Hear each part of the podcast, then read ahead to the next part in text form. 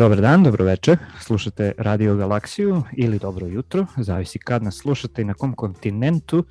Uh, slušate Radio Galaksiju i uh, epizodu broj 149, ako se ne varam, da. E, danas je 23. maj, ali ovo što vi slušate da je e, epizoda koja se emituje 24. maja. Zašto? Zato što smo morali da je snimimo sa Nemanjom Martinovićem, kog ste, e, za kog ste videli u najavi da, da će biti gost Radio Galaksije, pošto se on trenutno nalazi u Americi, zato što radi za nešto što se zove ADS, Astrophysics Data System. On će to da objasni kratko uh, a, o čemu se radi. Kažu ljudi stalno da radi za NASU, ajde kažemo radi za NASU, ali a, to će on možda bolje da objasni.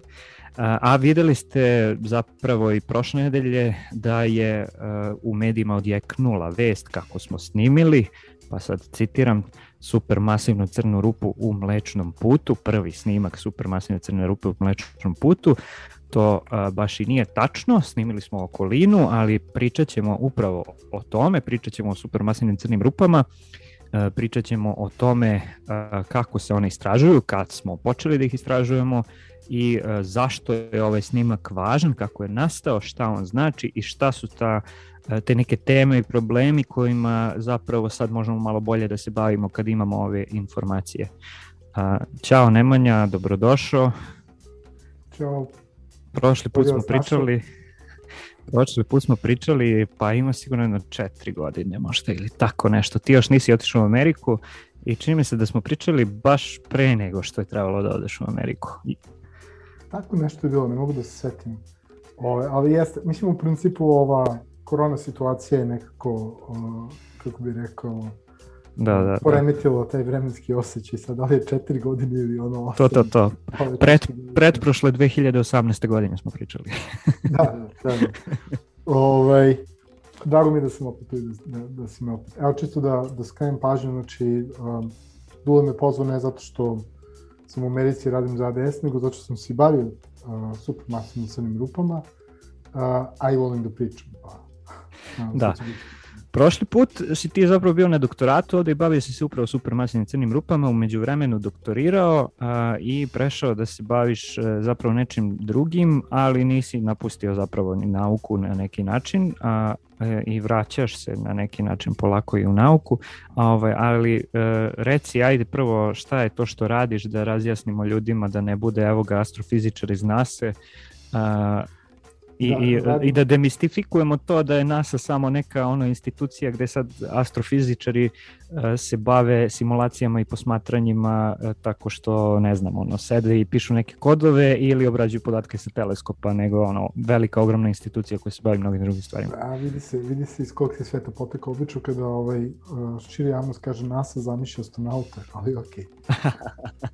pa da sam možda e, 15 ovaj... 20 godina 20 godina mlađi, ajde da tako kažem, možda bi to tako jedno bilo. 3 cm niži.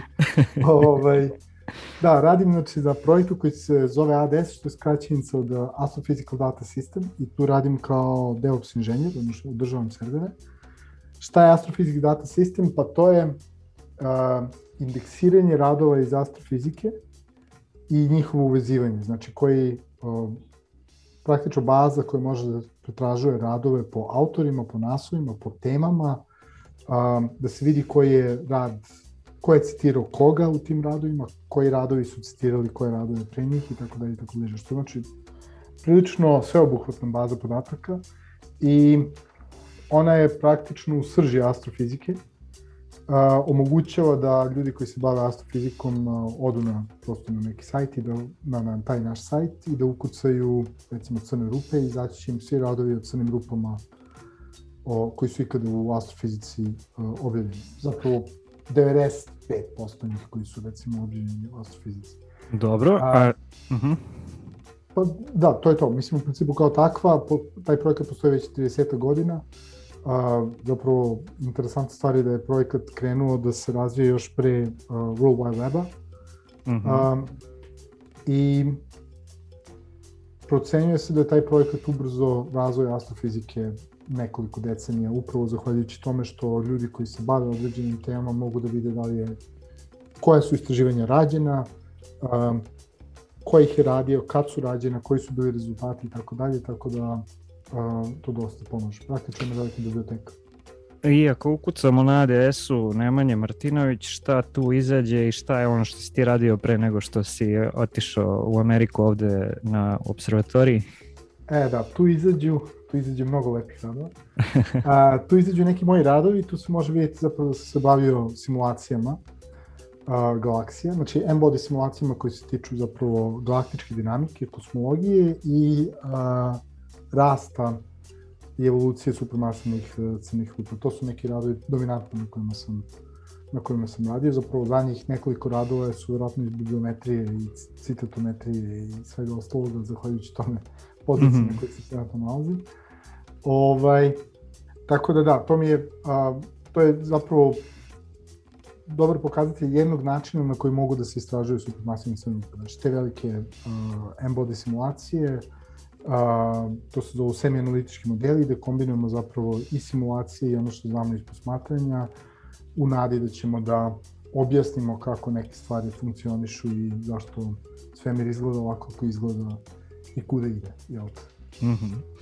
Uh, ajde da krenemo od supermasivnih crnih rupa, ali pre nego što objasnimo šta su supermasivne crne rupe, mislim da bi bilo dobro da prvo objasnimo šta su crne rupe. Uh, jer e, crne rupe su nešto što, o čemu smo već ranije i pričali, ja mogu u suštini da možda ne bi čak ni bilo loše da pomenemo da smo čak u, u, u 19. epizodi, znači prvih onih od davno, još 2009. godine, e, je Milan Ćirković napravio jednu epizodu o crnim rupama, ali onome što što zovemo stelarnim ili zvezdanim crnim rupama. Supermasivne su nešto drugo, ali ajde pomenemo da ono kratku neku istoriju i kratku definiciju, kratak opis toga šta su crne rupe, a onda i zašto, zašto su supermasivne crne rupe različite od crnih rupa. Um, I po čemu? Znači, ajde da krenemo od uh, prvo definicije crne rupe. Zapravo sam razmišljao o mm uvodu za ovaj razgovor kako bi mogao najintuitivnije da objasnim šta je crna rupa preko radija, odnosno na podcastu, uh, to je kroz Radio Galaksiju i recimo, ajde, ajde da probamo ovako, znači ako stojimo na planeti Zemlji, da bismo napustili gravitacijni utjecaj planete Zemlje, znači rakete ili ukoliko hoćemo da bacimo kamen ili nešto, treba da bacimo, zahvaljujući masi koja je, celo, koja je na, na, nama ispod nogu, treba da bacimo neki, da damo dovoljno energije nekom objektu, odnosno da bacimo neki objekt brzinom od oko 11 km u sekundi. Znači, ako mm -hmm. bacimo brže od 11 km u sekundi, otići ćemo, zaovek možemo da napustimo gravitacijonu polje planete Zemlje. Ako bacimo manje, prosto ćemo da, ono, ako bacimo... Ko se hitac. Da, ba, pašćemo natrag, na, mm -hmm. ono, gravitacija planete Zemlje će biti jača i pašćemo natrag na, na planetu Zemlje. E sada, ako bismo, o, i ovo je deo koji sam mislio, jel te? A, ako bismo, možda nije toliko originalno, ali ako bismo povećavali masu planete Zemlje, ako bismo dodavali masu nama ispod nogu, brzina koju moramo da lansiramo objekte sa površine, da bi napustili gravitacijne, krenući da raste. Ako dodamo, uguramo duplu masu planete Zemlje ispod nas, imat ćemo 22 km u sekundi, jel? Mm -hmm. da, da raste masa, i dalje, tipa 10 puta, onda ćemo imati 110 km u sekundi. I sad, ako nastavimo da pakujemo masu nama ispod nogu, u jednom trenutku ta brzina će, da, ono, brzina će sve više više da raste i u jednom trenutku će doći do 300.000 km u sekundi. Mm -hmm. 300.000 km u sekundi je brzina svetlosti, jel? I to praktično znači da onog trenutka ako stavimo još 10 kg preko toga, a, taj escape velocity, odnosno brzina napuštanja, odnosno druga kosmička brzina kako smo radili u školi, odnosno brzina koja je potrebna da se napusti gravica, postaće veća od 300.000 km sekundi. Ako svetlost ne može da ide brže od toga, praktično znači da i svetlost će lansirana sa površine planete Zemlje da se vraća natrag na površinu. Što mm -hmm. znači da ako neko stoji na mesecu i gleda planetu Zemlju, u jednom trenutku će svetlost prestati da dolazi do, do te osobe, zato što će se sva svetlost vraćati na, na, na planetu Zemlju, jer ima toliko mase, i mi, ono, prestaćemo da vidimo planetu Zemlju, odnosno vidjet ćemo jedno crnilo, ajde tako da I, o, I to je crna rupa. Znači, crna rupa je bukvalno samo objekat koji je toliko masivan da je potrebna brzina brža od brzine svetlosti, da, da je potrebna veća brzina od brzine svetlosti da bi napustili gravitacijni utis. Samo da nam mm -hmm. pomenem jednu stvar, crne rupe ne usisavaju ništa, znači ukoliko bismo, možemo da ovaj eksperiment ponovimo na drugi način i da umesto da dodajemo masu, da skupljamo planetu Zemlju, tako da ovaj, uh, sa površine planete Zemlje opet će postojati sve veća i veća brzina da potrebno da lansiramo, da pobegnemo što je kompaktnije, jer smo bliže centru. I na kraju ćemo doći do toga da skupimo celu planetu Zemlju u loptu dovoljno malo da odatle 300.000 km sekundi. E, ali masa planete Zemlje u tom trenutku se nije promenila. Mm -hmm. jedna masa planete Zemlje. Mm -hmm. ovaj, samo je jako, jako skupljena na jako, jako, jako mali prostor. A, otprilike kao grudva snega. Ono, kad uzmemo sneg i skupimo, daleko je gušće. Um, I orbitalne karakteristike bi ostale iste. Znači, planeta Zemlja bi nastavila da orbitira oko Sunca ako ništa ne bi došlo do površine planete Zemlje, odnosno do horizonta događaja u ovom slučaju, ne, bi, ne bi ništa bilo ni usisano unutra, jel te? Potrebne su naravno određene brzine i tako dalje. E sad, um, da, čisto da pomenem kad sveće, horizont događaja je prosto granica uh, gde je brzina koja je potrebna da se beži je 300.000 km sekunde. Znači, mi ne znamo ništa što se dešava unutar horizonta događaja. Tako da, mm -hmm. crna rupa, to je taj horizont događaja. Što znači da crne rupe mogu da budu različitih masa, mogu da budu i malih masa, poput recimo to kad e, zemlju sabijemo na neku, e, mogu da budu masa poput mase sunca ili zvezda, ali mogu da budu i mnogo većih masa. Jel da? E, jeste, to je sad ono što si pomenuo malo pre, uh, razlike među stelanih, odnosno zvezdanih crnih rupa i supermasivnih crnih rupa. Znači, u principu sve crne rupe su iste. Ovaj, ajde tako da kažemo. Znači, u tom nekom ono najosnovnijoj definiciji koju se sad pomenuo. U najosnovnijoj definiciji da. crne rupe su najjednostavniji objekti u svemiru koje znamo. Bukvalno ne postoji ništa jednostavnije od crne rupe. Crne rupe definišu samo dva parametra. Masa i spin. Odnosno, mm -hmm. koliko se brzo rotira mm -hmm. crna rupa. Um, je, masa definiše koliko je, koliko je veliki radijus crne rupe. Što je veća masa, veći radijus crne rupe i to je to. Ono što, kao što si sam rekao sada, znači mi imamo u principu crne rupe različitih masa. A, fora sad sa time ne znamo za crne, znači naj, najmanje masivne crne rupe za koje sigurno znamo da postoje su stelarne, odnosno zvezdane. To definiše prosto način postanka crne rupe. Ne? Ono, u teoriji nije, aj, aj, ovako, a, prirodno mogu da nastanu, a, postoji samo određeni, kako, znamo samo za određene načine da, da stvorimo crne rupe. Jedan od njih je zapravo kolaps a, veoma masivne zvezde, gravitacijni kolaps veoma, veoma masivne zvezde kada potroši gorivo i tako nastaju te zvezdane crne rupe, one su mm -hmm, reda veličina, mm -hmm. mislim masa su im reda veličina par masa zvezda. Um, tako, e sad, naravno, pošto postoje sad, te crne rupe nastavljaju da interaguju sa okolinom i gas pada na njih i tako dalje, dolazi do sudara i, i to sve danas znamo, jel te? One mogu da rastu, jel te? Ali mm. onda te stelene, odnosno zvezdane crne rupe rastu, mogu da narastu do nekoliko desetina masa sunca. I onda imamo neki, ajde da kažemo, prekid u masi, zato što prosto ne znamo Da nismo pronašli u stvari, nismo da. Pronašli, nismo detektovali. Postoji, da, postoje teorije koje kažu da najvratnije postoje crne rupe srednjih masa, mm -hmm. to sad zovu intermediary black holes, što su reda veličine nekoliko hiljada do nekoliko desetine hiljada masa sunca. I to je sad ono veoma go, ono veoma aktuelno istraživanje pronaći te super te uh, crne rupe tih tih kategorija srednjih masa, da. srednjih masa postoje neke indi, srednje mas, srednje super mase da, da, da. Postoje neke indicije da one postoje i onda odjednom imamo uh, super masivne crne rupe, odnosno crne rupe koje imaju nekoliko miliona masa sunca do milijardi masa sunca. Mm -hmm. I njih smo sad našli. I to je recimo, uh, na, našli smo ih na razne načine i to je recimo ovo, ovo najnovije istraživanje uh, koje se bavi uh, Event Horizon teleskop je zapravo uspio da direktno snimi dve, M87 i uh, supermasivnu crnu rupu u centru našeg puta. I još jedna stvar, uspeo da snimi crnu rupu, samo je ne vidimo.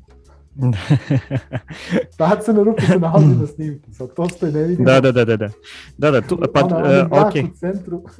Da, da, da, to ćemo da objasnimo posle, zapravo kako budemo pričali malo detaljnije o tome šta se vidi na tom snimku. A, a e, pre nego što dođemo u stvari do toga, ajde da pričamo još o tome šta su sve crne rupe. Znači ti si pomenuo, ok, to je kompaktni objekat, masivni, e, koji zapravo ima toliko veliku gravitaciju da svetlost ne može da uh, ode sa njega.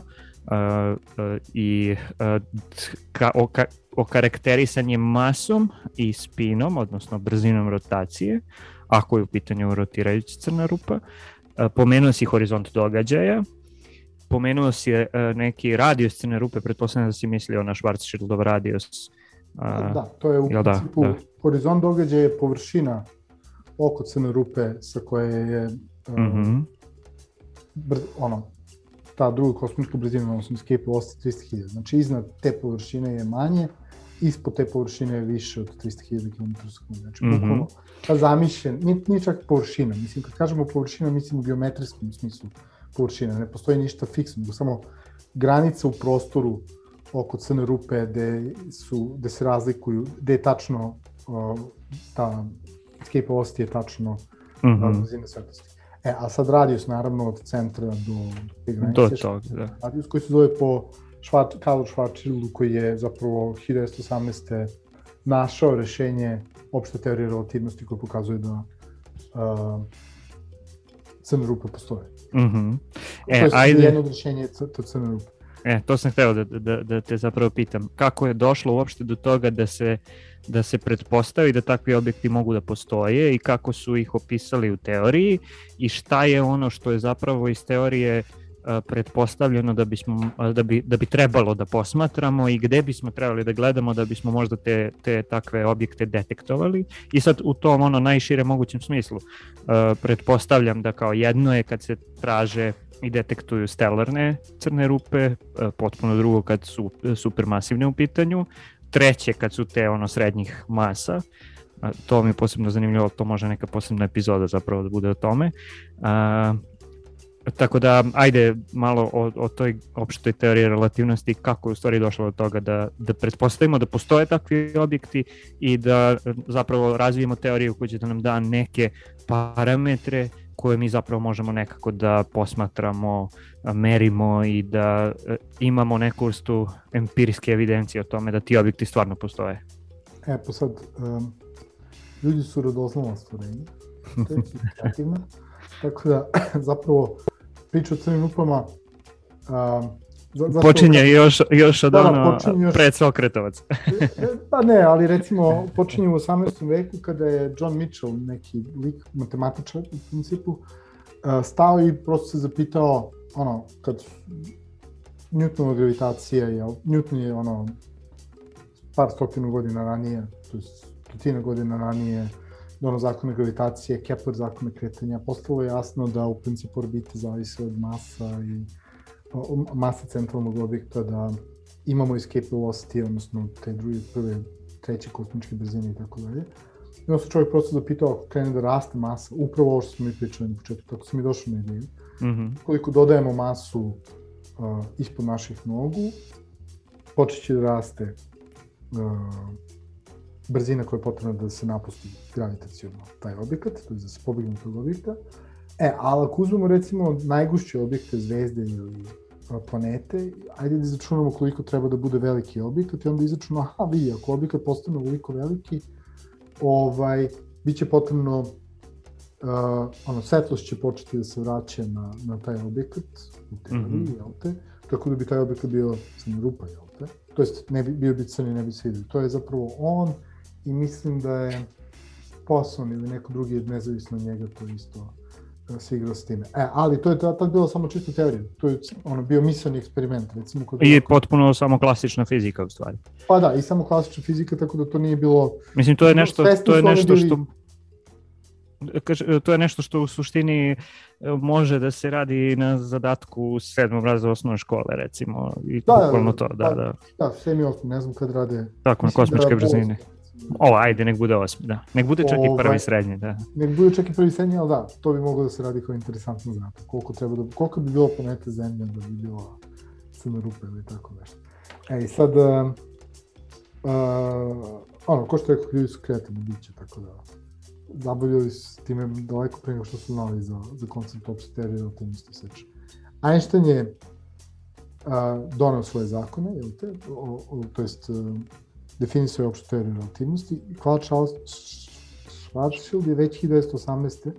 znači relativno brzo odmah izračunao da našo rešenje za uh, op, ono, prostorno rešenje za postojanje singulariteta, odnosno postojanje dovoljno objekta koji bi bio toliko gust da bi skre, ono, vraćao mm -hmm. svetlost natrag na, na, na taj isti objekat, a onda jako brzo posle toga su, znači, mislim da je već odmah iste godine, Kerr i Newman su, to je Kerr je našao svoje rešenje za rotirajuću crnu rupu, Reisner mm -hmm. Nordstrom su, uh, njih dvojica su našli rešenje za naelektrisanu crnu rupu, i onda je postojalo rešenje za Kerr Newmanovu crnu rupu koja je najopštije rešenje, mislim to je već bilo mm -hmm. 20-ih, za rotirajuću naelektrisanu crnu rupu i praktično sva ostala rešenja su posebne rešenja svega toga. E sad, Reisner Nordstromovo rešenje je opet veoma super interesantno i kreativno, jel te?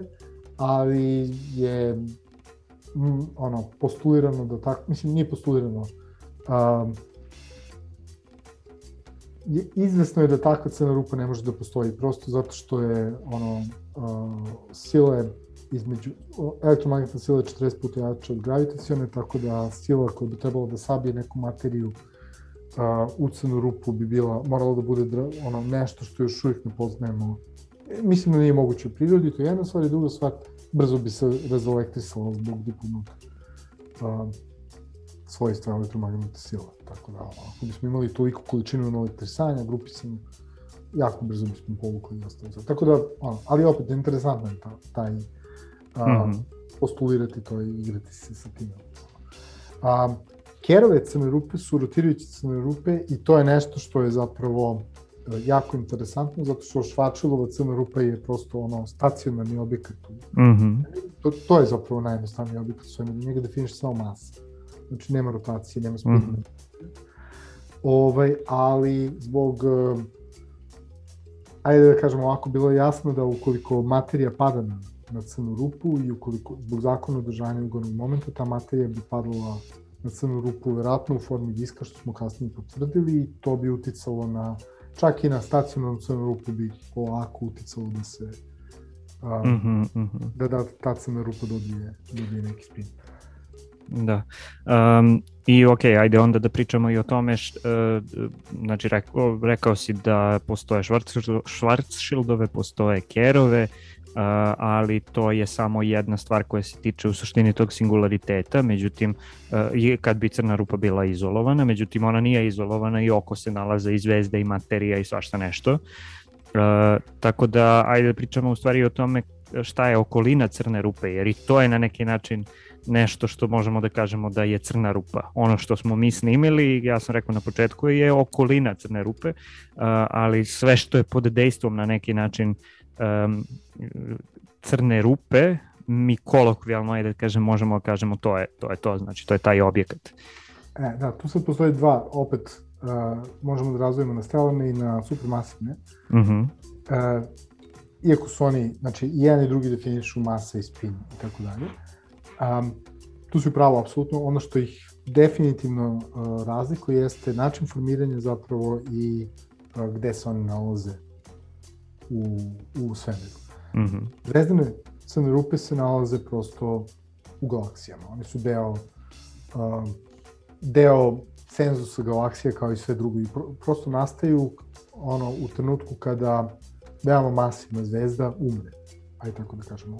Posle eksplozije supernove, um, mi imamo da ono ostatak koji ostane pre, ono dovoljno masivan da ništa ne može da zaustavi taj kolaps i tu imamo um, crne rupe. Znači oni su samo jedna evoluciona faza zvezde u suštini. Zadnja evoluciona faza. Da. E, i sad fora s time, to takođe definiše njihovu okolinu. Oni su delovi, uh, obično su se nalaze u nekim uh, maglinama i ostalo sve koje nastaju razvijavanjem materijala u eksplozijama supernove. Ovaj, i imaju veoma jak, ono, ima neke akrecije, imaju, mogu da imaju veoma jako magnetno polje, džetove i tako dalje, ali u suštini oni su ono, bliže, njihova okolina je bliže planetarnim sistemima i sunčevom sistemu nego ovome gde su supermasivne crne rupe. Supermasivne mm -hmm. crne rupe se isključivo nalaze u centrima galaksije. Mm -hmm. ovaj, I to je, to je trebalo par decenija da skapiramo. Ovaj, prvo da detektujemo kvazare, za koje nismo znali da su supermasivne crne rupe, pa da onda ono, da skapiramo da su to najluminozniji objekti u svemiru, pa da skapiramo Kvazari su u stvari gal galaksije, da, to su... Da, da, centri galaksije. Da, da. Praktično, pa da skapiramo gde se nalaze, pa da ono, se pitamo zašto su dođevo tako svetli, pa da otkrivamo šta, koji bi mehanizmi bili, koji bi mehanizmi objasnili uh, tu količinu zračenja koju oni uh, izbacuju, pa onda nakon toga zapravo uh, da, da skapiramo da to mogu da budu uh, akrecije, odnosno uh, upadanje materijala na, na površinu uh, supermasivnih rupa i to ogromnih količina materijala, a onda da skapiramo da je tu potrebna jako masivna crna rupa da bi se ta količina zračenja izbacila a, akreciju mm. materijala.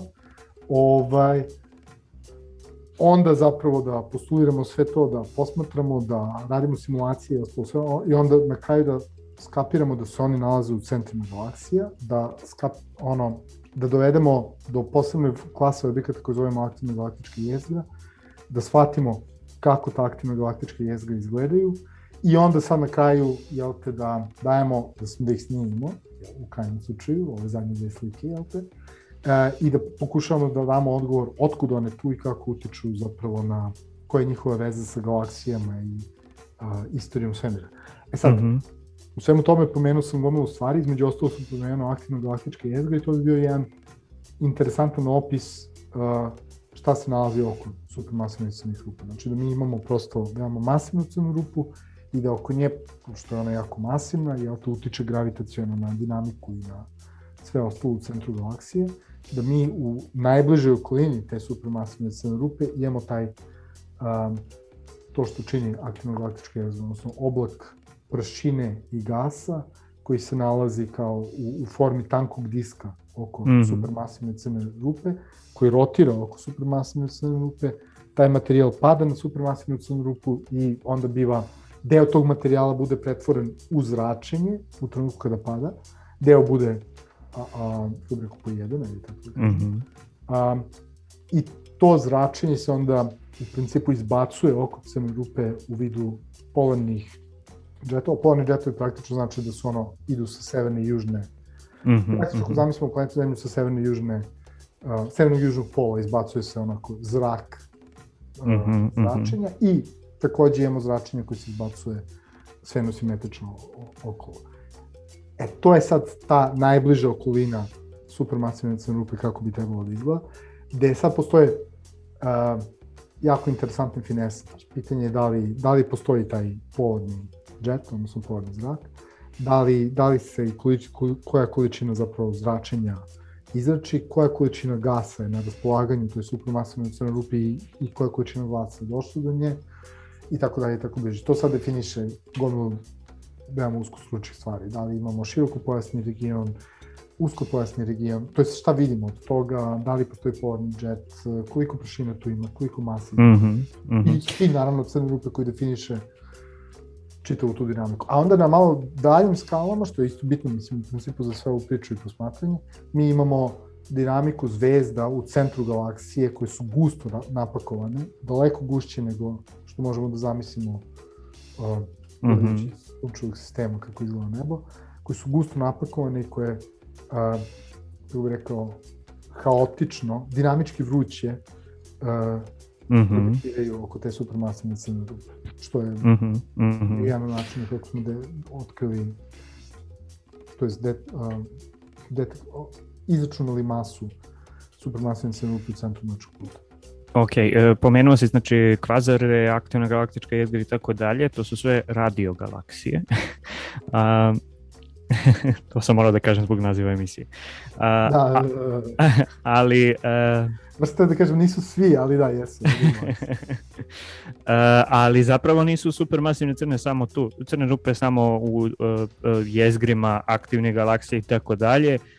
Uh, evo, pomenuo si, znači, uh, nalazi se i u centru Mlečnog puta i zapravo u većini galaksija koje znamo se verovatno nalaze. Ne nalazi se možda samo u nekim ono malim uh, galaksijama ili, ili je to nešto što se menja? E, to je sad ona, to je, znači da, tu si pravo, znači u principu a, pomenuo sam aktivna galaktička jezgra zato što je to a, najbolje definisana okolina supermasivne crnuke koju imamo. Jel, I najdramatičniji zapravo primer takvog objekta, da. Da, da, i najdramatičniji primer i samim tim zapravo najlakše ga je posmatrati i onda je najviše istraženo. Uh -huh. Mi zapravo nemamo puno podataka o tome kako izgledaju uh, kako to zove, quiescent, odnosno mirne mm -hmm. supermasivne crne rupe, onako ne, ne, ne absorbuju toliko materijala da bi bile svetle u svim delovima spektra kao, kao uh, aktivna galaktička jezgra.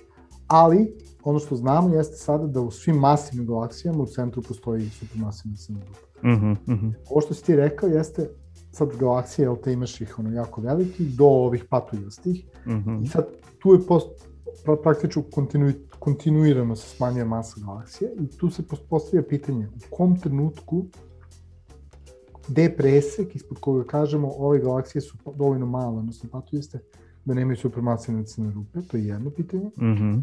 Drugo pitanje je da li onda u njima postoje crne rupe koje su tih srednjih masa. I to je to što, sam, što smo pričali. Da li u njima postoje te intermediary black holes, odnosno crne rupe koje imaju uh, par hiljada do par desetine hiljada masa sunca. Jel... Što bi, mhm. -huh. što bi uticalo jel te, na uh, naše razumevanje evolucije svemira. Ajde samo, ajde samo kratko vezano za to. Uh, znači, ne vidim zašto ne bi postojao neki kontinuum zapravo u masama sup, uh, crnih rupa u svemiru. Znači, od, od najmanjih pa do supermasivnih, ultramasivnih koje se kreću ono, ne nekoliko miliona, nego ne znam, milijardu zapravo masa. Uh, e, jel postoji ili ne postoji? E, sad, tu je fora. Uh, Teorijski ovako gledam. Ne, ne, slušaj, tu je fora. To je, to je jako dobro zapažanje. I to je ono što sam, što sam se ja pitao pre nego što sam krenuo da se zezam sa time. Um, problem sa tim je, nije problem, znači, nije problem samo kontinuma, nego problem je cenzusa. Odnosno, mm -hmm. koliko tih Znamo da populacije da u stvari, da. Da, populacije. Znači, znamo da patujući galaksije ima najviše. Da ih ima dramatično više nego zapravo ovih masivnih galaksija. Mm -hmm. Prosto, to je kao neka kao trogo, ono, piramida. Najmasivniji galaksija ima malo, ovih srednjih, ono, malo manje Pa kao, kao i svega, kao i svega ovako, znači to je ono, isto je i pa sa da. asteroidima, isto i sa planetama, isto je sa, isto to su ono neki stepeni isto, zakoni. Isto, da, otprilike isto i sa ono masom život, brojem životinja mm -hmm. određene mase na planeti Zemlji. Mm -hmm, Najmasivnijih mm -hmm. životinja ima najmanje prosto. Da, da. E, a, ista stvar je ovde njihov cenzus, odnosno njihov broj i njihovo postojanje samim tim definiše početne uslove za supermasivne crne rupe, za um, semena, odnosno sidove uh, supermasivnih crnih rupa u ranom svemiru. Jer ukoliko uh, mi znamo kolike su, znači, aj ovako, ne mogu da kažem da 100% znamo, ali posmatački imamo gornju granicu koliko, kolika je masa najmasivnijih supermasivnih crnih rupa. Mm -hmm znamo koliko je njihov broj, znamo koliko ima uh, koliko ima masivnih galaksija, ajde tako da kažemo, imamo neku ra, uh, uh, notion, odnosno uh, notion, nego svest o tome koliko da. zapravo postoji galaksija određene mase i ostalo svega i kolike su uh, koliko su masivne crne, supermasivne crne rupe koje populišu masu o, o masu, o, o galaksije određene mase. Znači, ne, praktično neobičajno ono, da nađeš milijardu masa sunca u u maloj galaksiji, galaksiji da. Ili, mm -hmm. tako da, to bi bilo problem. E sad, znači, postoji neka korelacija između u stvari veličine, odnosno mase galaksije i mase supermasivne crne rupe, a mi zapravo imamo podatke o tome kako se kreće ta raspodela za neke znači masivne yes. galaksije i kao te ogromne no, supermasivne galaksije. Sad, tu sad postoji mnogo empirijskih korelacija. Mm -hmm. Sve te empirijske korelacije ulaze a, u constrainove, odnosno ulaze u ograničenja koje su potrebna da se ubace u teoriju nastanka supermasivnih crnih rupa, njihovu evoluciju, odnosno njihov rast i toga kako to izgleda danas. Ta teorija a, mora da se ubaci u ono što znamo o evoluciji svemira. Dobro. Tako da kada po, ubacimo... Pojasni. Da, izvini? Ne, kažem, kažem pojasni to. E pa, upravo o tome se radi. Um, kosmologija, odnosno uh, deo astrofizike koji se bavi evolucijom svemira u celosti, uh, bukvalno se bavi od toga od Big Banga do danas, uh, ako stavimo početne uslove malo posle Big Banga, sa uh, tom količinom materije i tim temperaturama i tom fizikom, mislim fizikom koju, koju istražujemo ovde na planeti Zemlji i koju pretpostavljamo da je ista u svakom delu svemira, što je super bitan uslov. Ako pustimo svemir da evoluira toliko koliko mislimo da je star, koliko nam posmatranje pokazuje da je star, mi treba da dobijemo nešto što izgleda statistički, ali nešto što izgleda ovako kao svemir danas. Mm -hmm. e, a onda u tu sliku treba, ono, umeđu vremenu, jel te, um, kako smo kosmološki to zapravo otkrivali i simulirali ostalo sve, onda smo skapirali da su supermasivne crne rupe um, mislim, tu su jako bitni delovi uh, galaksije i u principu galaksije su ono što što je uh, značajan deo cele te, cele te slike. A onda smo u jednom trenutku skapirali da su supermasivne crne rupe, ko što su galaksije ako bitan deo cele kosmologije i izgleda svemira i evolucije svemira, supermasivne crne rupe su jako bitan deo galaksija i evolucije galaksije i svega ostalog. Mm -hmm. Tako da mhm. mi moramo da nađemo teoriju koja objašnjava real, ono, izvodljivo, kako bih rekao, plausible, a, kako su te, šta je seme, odnosno kako su te supermasivne crnupe inicijalno nastale i kako su one rastle, imajući u vidu količinu materijala koji im je bio na raspolaganju tim galaksijama, tako da formiraju ovo što vidimo danas, a da ne, ono, da, da slika svemira ostane tako koju vidimo danas, sa slikom galaksije koje, koju vidimo danas i sa ovim što vidimo mm -hmm. a, posmatački u tim korelacijama i ovim slikama supermasivnih crnih rupa. E, i sad u toj priči, jel te, a, otkri, da li ima malo, nimalo, ili ima fantastično puno intermediary black hole, odnosno tih crnih rupa srednje mase, od par desetine hiljada mase sunca, baš može da utiče značajno na, na, na celu, ono, celu našu evoluciju, celo naše razume, razumevanje evolucije svemira. Mm -hmm. E mhm. sad, ono što uh, je mislim dovoljno interesantno, jeste teorije su već pretpostavile da te, da te crne rupe srednjih masa postoje. A, teorije zapravo prilično dobro mogu da, a, mislim, simulacije i teorije simulacije, posmatranje korelacije, prilično dobro mogu da objasne ove najmasivnije supermasivne crne rupe i ostalo sve. Bilo bi dobro, u principu sad se čekaju posmatra, mislim sad već polako počinju da se pojavljaju posmatranje koje otkrivaju naznake da, tih crnih rupa srednje mase. Problem sa njima je što one nisu veoma aktivne, mm -hmm. a, tako da su a, teško ih je zapravo posmatrati, tako da to moraju da budu posrednici. Sa sadašnjom tehnologijom i sa našim razumevanjem trenutno a, supermasivnih crnih rupa, odnosno tih crnih rupa srednje mase, mm -hmm. a, teško ih je, teško ih je posmatrati. Ali pretpostavljam da u nekom trenutku kad ih, kad ih prokljujemo da će postati jednostavnije isto kao i sa planetama, recimo. Mm -hmm. jednom, jednom kad smo skapirali kako ono, posmatrati van solarne planete, egzoplanete, ono, bilo je lakše otkrivati ih na... I još, i još, i još, da, da, da. E, dobro, znači sad sve vreme pričaš u stvari da postoji neki, neki sidovi, odnosno semena supermasivnih crnih rupa i da i nam je to jako bitna informacija e koju, koju treba da znamo da bismo e, se generalno bavili i evolucijom galaksija i, i kosmologijom i tako dalje. Uh, kratko pitanje, a odgovor molim te da ne bude previše dugačak jer uh, za to možemo posebnu epizodu. Kako nastaju supermasivne crne rupe? Kako nastaju ta semena? Nemam pojma. Znači, u principu, trenutno ne postoji nijedna teorija koja je dominantna.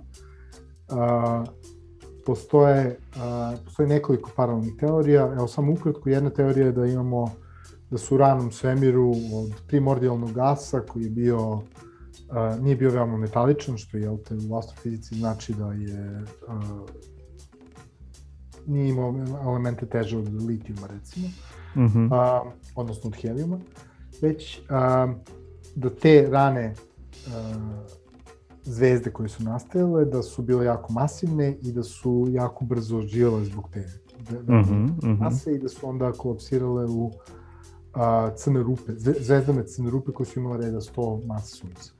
Mm -hmm. su te crne rupe koje su imale 100 masa sunca nastavile, pošto je svemir bio dosta gušći nego danas i bilo je dosta više tog hladnog gasa i gasa generalno, nastavile su da jedu taj gas iz svoje okoline i tako su porasle mm -hmm. uh, kroz tih 13 milijardi godina, tako su, uh, zahvaljujući tom gasu na početku i početne mase koje su imale, tako su porasle do ovih uh, milionskih masa. Milionskih masa koje imamo danas, a pošto su, jel te, u principu uticala na sve drugo, prirodno su se formirale galaksije oko svega toga. Mm -hmm. To je jedna teorija? To je jedna teorija. Druga teorija je da zapravo nisu bile zvezde, nego da su prosto bili ogromni oblaci gasa, koji nisu mhm. imali efikasan način da, da se fragmentiraju, da se hlade, pa su oni kolapsirali u supermasivne crnupe koje su veličine 10.000 masa sunca. Mm -hmm. e, I sad, uh, ta teorija, znači to je moguće, u principu teorijski je pokazano da je moguće, ta teorija pokazuje recimo nije, ne, nije neophodna tako uh, agresivna akrecija materija, agresivno jedenje materije, upad materije na ove crne rupe da bi smo napravili crne rupe, da bismo napravili, videli ovaj cenzus danas koji, koji postoji i samim tim je to, uh, kako bih rekao, daleko realnije. Ona je, to je, ja mislim, jedna od najsvežijih teorija. Mm -hmm. to. I treća teorija koju ja znam da je bilo zapravo korišćena su nuklearni klasteri, odnosno da su se... A, Šta to znači? da su se stvarale zvezde, da su se fragmentisale u a, zvezdane jate i da su ta zvezdane jata zapravo kolapsirala u recimo neke masivne crnupe. Međutim, problem sa tom teorijom je da je statistički najmanje verovatno. Mm -hmm. Mislim, potrebno je a, na, bukvalno najmanje verovatno da se tako nešto desi. Jer prosto zbog dinamike i svega ostaloga formiranja, to je ono kao, interesantna je misalna vežba, ali mm -hmm, mm -hmm. pa to je ono što... Taj broj crnih rupa koji bismo videli danas i, i ono, prosto broj tih slučajnosti koji mora da se desi bi se to dešavalo. Pa to je ono što je isto ono jedna od stvari koju ti razbiju kao mit kad, kad počneš da se baviš recimo zvezdanim jatima, to je da ako nešto nastane u zvezdanom jatu, vrlo malo vjerojatnoća da će i da ostane u tom zvezdanom jatu zato što mnogo se kreće puta oko centra galaksije i ovaj tako zbog svih raznih plimskih sila, interakcija i tako dalje, jednostavno te zvezde ne ostanu u toj strukturi i u suštini to ono, to je klasična priča sa, sa suncem, sunce je nastalo u nekom zvezdanom jatu verovatno, ovaj, otvorenom, kako se zove, a, a posle, ne znam, par milijardi godina, jednostavno je to rato, jato se raspalo. I zašto da. i ne bi onda i, i te takve zvezde, odnosno a, te, te, te primo, primordijalna jata koje su teoretski možda ono um, začeci crnih, supermasnih crnih rupa. Da, pogotovo imajući vidu da zapravo a, ako bismo gledali početne uslove, ti početni uslovi su takvi da bi ta jata u startu bila dinamički vruća, odnosno da bi imala veoma haotično kretanje mm -hmm, sa veoma mm -hmm. velikim rastorom brzina, a to je dinamički nestabilno. Mislim, u mhm, principu, mm -hmm. a, jedno što upravo pokazuje to što si, mislim, upravo je u, u skladu sa time što si ti rekao, ono, šansa da to jato kolapsira je ono, dramatično manje nego da se prosto to jato razlije. Mm -hmm. Svih tih i, i unutrašnjih i spoljnih interakcija. A to je zapravo ono, glavna stvar uh, uh, meni je uvijek bilo interesantno gledajući uh, kako bih rekao spanje crnih rupa mm -hmm. ovaj, a, kako, ono, cela poenta kako smo došli do gravitacijone talasa i um, uh, ideje da detektujemo gravitacijone talase sa LIGO teleskopom i ostalo sve. Da ta fora da u principu ako imamo dve crne rupe koje su uh, može da budu i supermasivne, nije ni bitno, mislim, u principu, ali recimo zvezdane crne rupe, mm -hmm. šestruki sistem, nastale su crne rupe, telone koje su krenule da interaguju i onda su krenule da se okreću jedne oko druge i ono prosto da gube energiju i da ovaj se približavaju jedno drugoj. Približavaju jedno drugoj da smo došli do toga, to se zvao, kako se ja sećam, ono, last parsec problem. Jedno vreme je bio veoma interesantan problem u astrofizici. super, ono, kao možemo da objasnimo gubitak energije i smanjenje orbita dve, uh, dva, mm -hmm. uh, kako bih rekao, kompaktna objekta do zadnjih parseka, a onda u zadnjem parseku više nemamo kako da izgubimo tu energiju i ono, ne možemo da objasnimo, to jest, intuitivno smo pretpostavljali da će da se oni spoje, ali nismo znali, ono, onda je bilo ozbiljna priča da li će se spojiti, da li neće to sve, dok neko nije došao i rekao pa ok, ali mogli bi da izrače višak energije gravitacijnim talasima i to bi dovelo zapravo do tog konačnog ultimativnog krajnjeg gubitka energije i spajanja dva kompaktna. Mm -hmm, mm -hmm. To zapravo kasnije i detektovalo um, sa ligom eksperimentom, nekoliko mm -hmm. I, ovaj, i, time... I to je bilo zapravo da direktna potvrda postojanja gravitacijnih talasa i još jedna od onaj, empirijskih evidencija opšte teorije relativnosti. Je, je, gomelu stvari je time potvrđeno mm ovaj, i time, mislim, u principu problem zadnjih parseka definitivno rešen. Kao tako. Da, nisam znao da se I to tako teorija, zove baš. Da, i opšta teorija relativnosti je potvrđena i zna, onda znali smo da postoje u principu, praktično smo potvrdili na još ono, nezavisni način da postoje dovoljno kompaktni objekti kao uh, crne rupe, znači haos. Mm -hmm, mm -hmm. I to mislim da je jedna od najbitnijih stvari tako, takvih um, eksperimenta slash posmatranja. I to mislim da je jedna od najbitnijih stvari ovog EHT-a. Mm -hmm, Event Horizon mm -hmm. teleskopija ovih slika koji imamo. Uh, a pre nego što odemo na jednu pauzu, nešto što mislim da dugujemo u ovom uvodu uh, i nećemo se sad više u suštini vraćati ni na evoluciju, ni na formiranje, ni tako dalje, to je nešto što će nas čekati u nekoj budućoj uh, epizodi. A ono što mislim da bi trebalo pomenemo je kako smo otkrili da postoji supermasivna crna rupa u našoj galaksiji i e, kako smo izračunali masu i kako je dodeljena Nobelova nagrada 2020. godine za to. Ukratko da on, on, o tome malo, pa da idemo na pauzu. Uh, pa ajmo onda Ajde, potrudit ću se, budem super ne, pazi, znači pa, evo, ako, ako, ako, ako ti je motivacija ovaj, da budeš kratak, to da smo već pričali, to nije nešto što nisam pomenuo, a to je nešto što je možda zanimljivo uh, ljudima koji slušaju, a to je uh, pa baš te godine kad je dodeljena Nobelova nagrada, zapravo smo u Radio Galaksiji ugostili Samira Salima, koji je bio jedan od ljudi koji je doprineo zapravo uh, tom uh, uh, metodu za računanje mase supermasne crne rupe u, u centru mlečnog puta, a što je na neki način zapravo i linija koja je vodila ka ovoj Nobelovoj nagradi i to možete da čujete u 113. epizodi. Uh, um, gde smo pričali o stvari o tome kako galaksije umiru, ali smo jedan deo posvetili uh, toj Nobelovoj nagradi, tako da uh, ja sam sad naveo ljude da slušaju Salima, a ti sad samo kratko objasni. Či, čisto se razumemo ja toplo preporučujem i mi ću vidio da čovjek bio u, uh, mislim, ono, preko toga jedino je mogu da dobije na Blue nagradu, tako da, da. s te strane, ako svakako to treba, treba odslušati. Ali, ali ajmo ovako, znači super kratko, znači kontekst je prosto ja volim da stavljam stvari u kontekst. Tako da u principu ono, kako smo našli kvazare, kako smo razumeli šta su kvazari, uh, kako su krenula uh, istraživanja aktivnih galaktičkih jezgra, uh, postalo je jasno da uh, postoje ti objekti koji uh, populišu centre galaksija i da su ti objekti najvjerojatnije uh, crne rupe. Onda su krenula posmatranja to, to je izazvalo zapravo da krenu radio posmatranja centra naše galaksije, onda je otkriven radio izvor u centru naše galaksije, što je ono dovelo do uh, i, i u raznim drugim delovima spektra, što je dovelo do sumnje da postoji zapravo mm -hmm. supermasivna crna rupa, odnosno crna rupa u centru naše galaksije.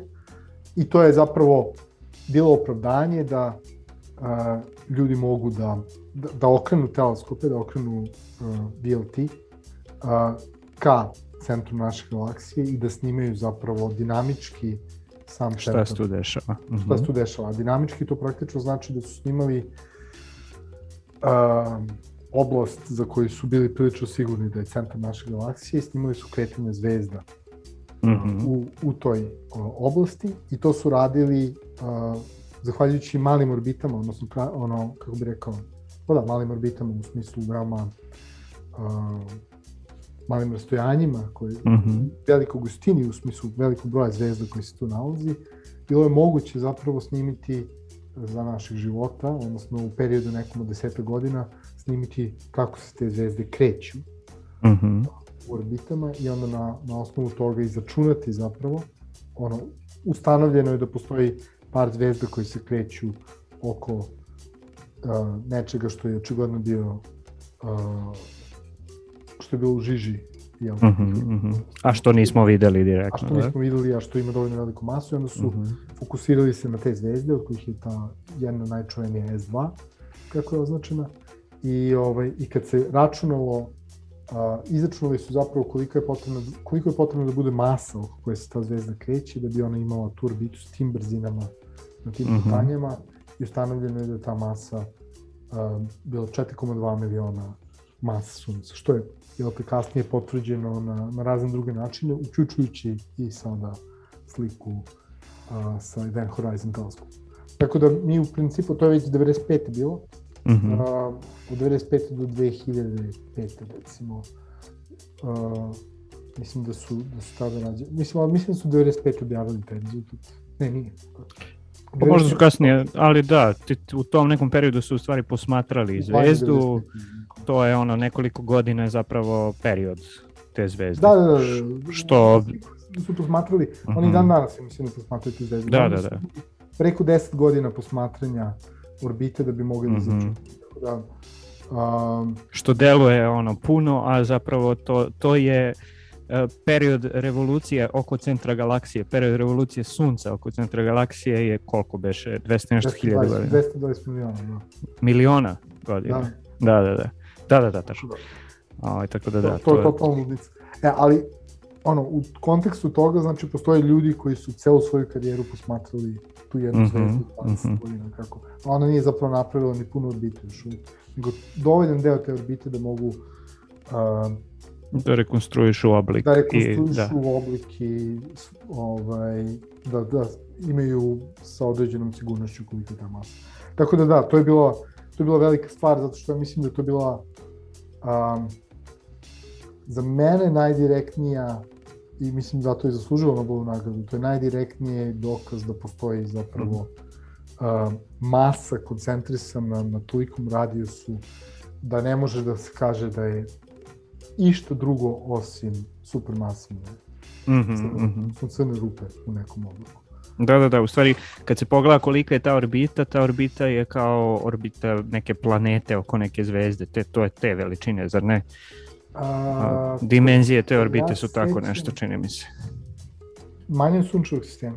Da, da, da, da, da, u tom Manje smislu, veličine znači, sunčevog sistema, tako da sa te strane ovaj, ali u tom smislu nije ni važno, znači da li je veličine Zemlje ili je veličine Jupitera, Da, ovaj, da. to, to je nešto masa, što...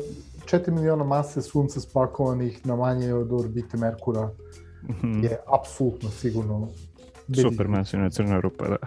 ono, supermasivna crna rupa. Čak i preciznost u određivanju tog broja nije toliko važna zato što da li je ono Da. 4 miliona plus minus milion ili plus minus 200 Ali hiljada zapravo je jako je... precizno određeno, to je najveće, Mhm. uh, i potvrđeno sad sa EHT-om. Znači to je 4,26 ili tako nešto, 4,3 sad da kažu. Tako Mhm. da određeno je da 0,1, odnosno praktično na... Na 1%. Ne, ne, na 10%. Na 10%, ok. Da, 5%, 10%. 5%. Da. Dobro, nisu, nisu toliko važni brojevi. masivne crne rupe, ali... Dobro, uh, ajde pravimo jednu pauzu, slušamo malo muziku pa uh, se vraćamo onda da pričamo o tome kako, kako smo dalje zapravo snimali što bi se reklo direktno, pošto je ovo na neki način indirektan snimak uh, tog objekta, čuvenog Sagittarius A zvezda, a kasnije smo zapravo snimali čuvenim tim Event Horizon teleskopom direktno prvo M87 koji je Nemanja pomenuo, a onda i um, centar Mlečnog puta. Uh, muzika, pa se vraćamo da pričamo dalje.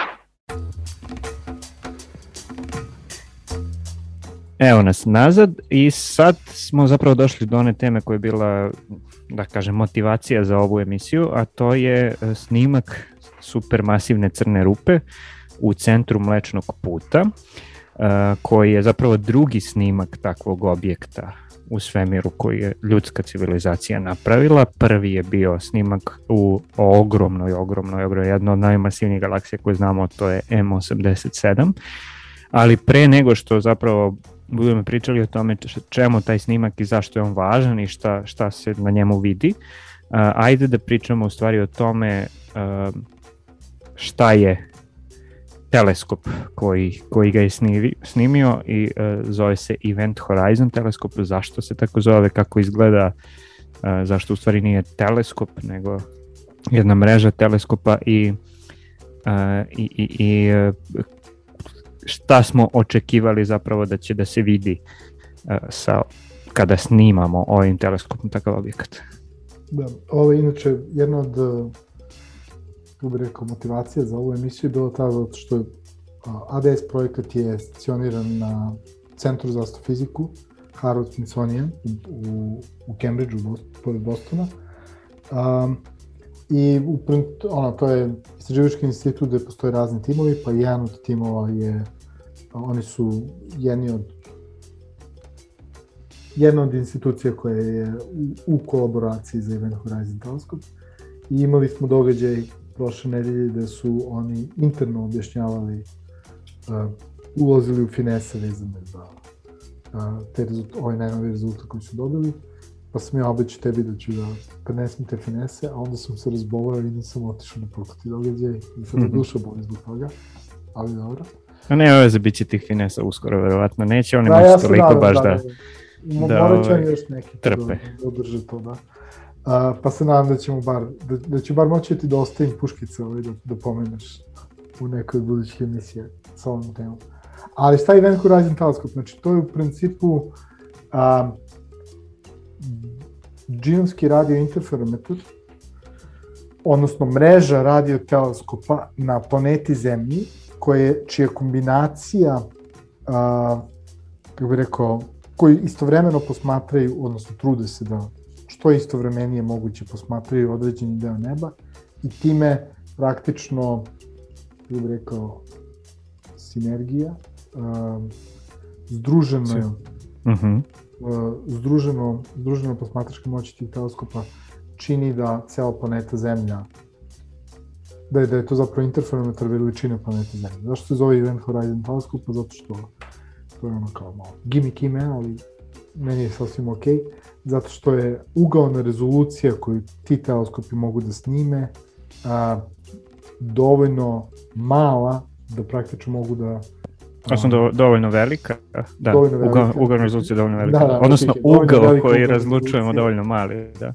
Jeste, ugao koji razlučujemo dovoljno mali, da zapravo može da vidi, u teoriji bi mogo da vidi i horizont događaja uh, supermasivnih crnih rupa. I to je zapravo bila ideja. Ovaj, istorijski, mislim, ne istorijski, prosto razvoj, uh, zahvaljujući ome koji upravo ono, rezultatima koji su doveli do Nobelove nagrade 2020. godine, teorije iza toga, boljem razumevanju uh, toga šta se dešava u okolini supramasivnih crnih rupa, njihove veličini i tako dalje, doveo do ideje uh, da se napravi ovako neki veliki projekat koji bi mogao da napravi zapravo no, very large base interferometer na nivou uh, planete Zemlje, znači Sve, planete. da se snima sa svakog kontinenta, da ima veliki radio teleskop koji snima, koji bi zapravo služio isključivo da snima ovaj objekte koji su a, dovoljno svetli, što je to, to je jedna od bitnih stavki, ali za koje je potrebno a, do, dovoljno svetli da, da, da mogu da a, razlučete najmanje ugao na, najmanje ugao na na nebu. Mm -hmm. I znači 2009. su krenuli, ja mislim, taj projekat ovaj, da razvijaju teoretski i na svaki drugi način, da bi to kulminiralo 2019. sa slikom, prvom slikom a, supermasivne crne rupe. A, M87 i zapravo sada a, sa slikom a, Sagittariusa, odnosno supermasivne crne rupe, odnosno njene okoline u centru Mlečkog puta. Sad da se razumemo, ovaj, kako bi rekao, puristi bi rekli da to nije, ko što si sam pomenuo, nije slika crne rupe, prosto crnu rupu ne možemo da slikamo zato što mm -hmm. sve izlazi iz nje, ali definitivno se crna rupa nalazi na slici, uh, samo je ne vidimo, to je onaj, u, delu, u onom tamnom delu crne rupe, ono što vidimo jeste, ono što se na slici vidi kao svetlo, jeste okolina, najbliža okolina supermasivne crne rupe sa uh, koja sa gasom tim koji zrači, koji, koji, koji zapravo i onda snimi. Um, Što će reći da, na primjer, ako bi, ako bi ti sad ugasio svetlo u toj prostoriji, kao nema nikakvog svetla i ja napravim print screen ovog, ovog ekrana, jel možemo kažemo da sam ja tebe uslikao? Te informacije se nalaze na toj slici. Samo, ono, to što nisu slikane tu, Ne, ne, ne, ne, neću nikada pristanem da kažem da, to, da, da je to snimak crne rupe, a ovaj, uh, ali ajde. Ja, sam, ja sam jedan od tih Crna purista. rupa se nalazi na toj slici. da se To crna sam... rupa, da, ok, mogu da kažem, crna rupa se nalazi u regionu koji je uh, snimljen tim teleskopom. u centru. u centru. to, je, to je zapravo bio i motiv za, za, za fotografiju i svega toga. E, da, znači... Um, šta, da, šta se vidi trčim, na to? Da. Ne, ne, trčim, trčim sa pred rudu, mislim, u principu krenuo sam već ono, u tehničke. Znači, čito taj projekat s jedne strane je, uh, nije samo, uh, kako bi rekao, nije samo pionirski što se tiče same te fotografije, mm -hmm. nego i pionirski što se tiče uh, organizovanja tih radioteleskopa na taj način. Uh, što se tiče obrade podataka je takođe pionirski, što se tiče uh, tehničkih aspekata za uh, sinhronizovanje tih podataka i za prikupljanje tih podataka. Tako da, u principu što se tiče takođe saradnje, zato što ja mislim da je na, tu sa, uh, preko 30 institucija Znači, mm -hmm. ono, osam radio teleskopa i preko 30 institucija, 300 ljudi je zapravo bilo u kolaboraciji da bi se ovako nešto napravilo, što je baš, kako bih rekao, um, ovako uliva nadu i interesantno je za, za budućnost astrofizike kao...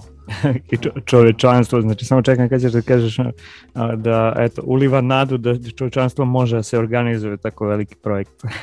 E, pa da, da, da, što je, što je ono, kad sam objašnjavao mom sinu ovaj, u principu šta, šta se tu sve radi, onda sam u jednom trenutku rekao, i to je takođe uh, jedan od testova, znači nije najbolji, ali definitivno jedan od testova opšte teorije relativnosti i to je način na koji sad možemo, pokazalo se da je moguće posmatrati blisku okolinu uh, mm -hmm. supermasivne crnih rupa kao takvu, a to su upravo regioni koje želimo da posmatramo zato što uh, to, to su ekstremni uh, objekti u svemiru, a ekstremni objekti u svemiru su zato što se nalaze na ono, a, kako bih rekao, granicama mogućnosti teorija mm -hmm. koje imamo i to, je, to su delovi, to, to su objekti s kojima mi testiramo da li teorije postoje. Nećemo da testiramo gravitaciju ili opšte teoriju relativnosti tako što baciš kamen u vodu, pa računaš koliko mu vremena trebalo da pipne površinu vode. I ako mm -hmm, to se radi, mm -hmm. smo već skrenuli pažnju šestom ili sedmom razredu osnovne škole, i to ono, ne, ne challenge-uje, odnosno nije izazov ni za Newtonovu teoriju gravitacije, kao ni za opšte teoriju gravitacije, ali oko, blisko okolina supermasivne svemupi jeste. Mm -hmm, uh, mm -hmm. Gravitacione talasi koje smo već pomenuli jesu zapravo ekstremni test za, za opštu teoriju relativnosti. I ne I samo za opštu teoriju relativnosti, izvini, nego i za ono što zovemo modifikovanu Newtonovu gravitaciju i tako dalje. I za to, i za to isto. I sad, da. to je ono, trenutak, ono, objašnjavajući njemu koji je 9 godina, tako da baš sam morao da, da budem kreativan u objašnjavanju. Tu možemo da saznamo recimo dosta stvari o gravitaciji, ono, nadamo se novih stvari o gravitaciji koji će nam omogućiti da razumemo gravitaciju bolje, na što je on samo dodao, leteći automobili. Mislim, ja ovo kao znam, možda jednog dana, zahvaljujući slici supermasivne rupe centru mlečnog puta, skapiramo nešto što nam omogući da konačno imamo ono leteći automobil, ne znam. Pa, znaš šta, mislim, zahvaljujući mnogim astrofizičkim otkrićima mi imamo gomelu neke tehnologije koju danas koristimo, tako da ko zna.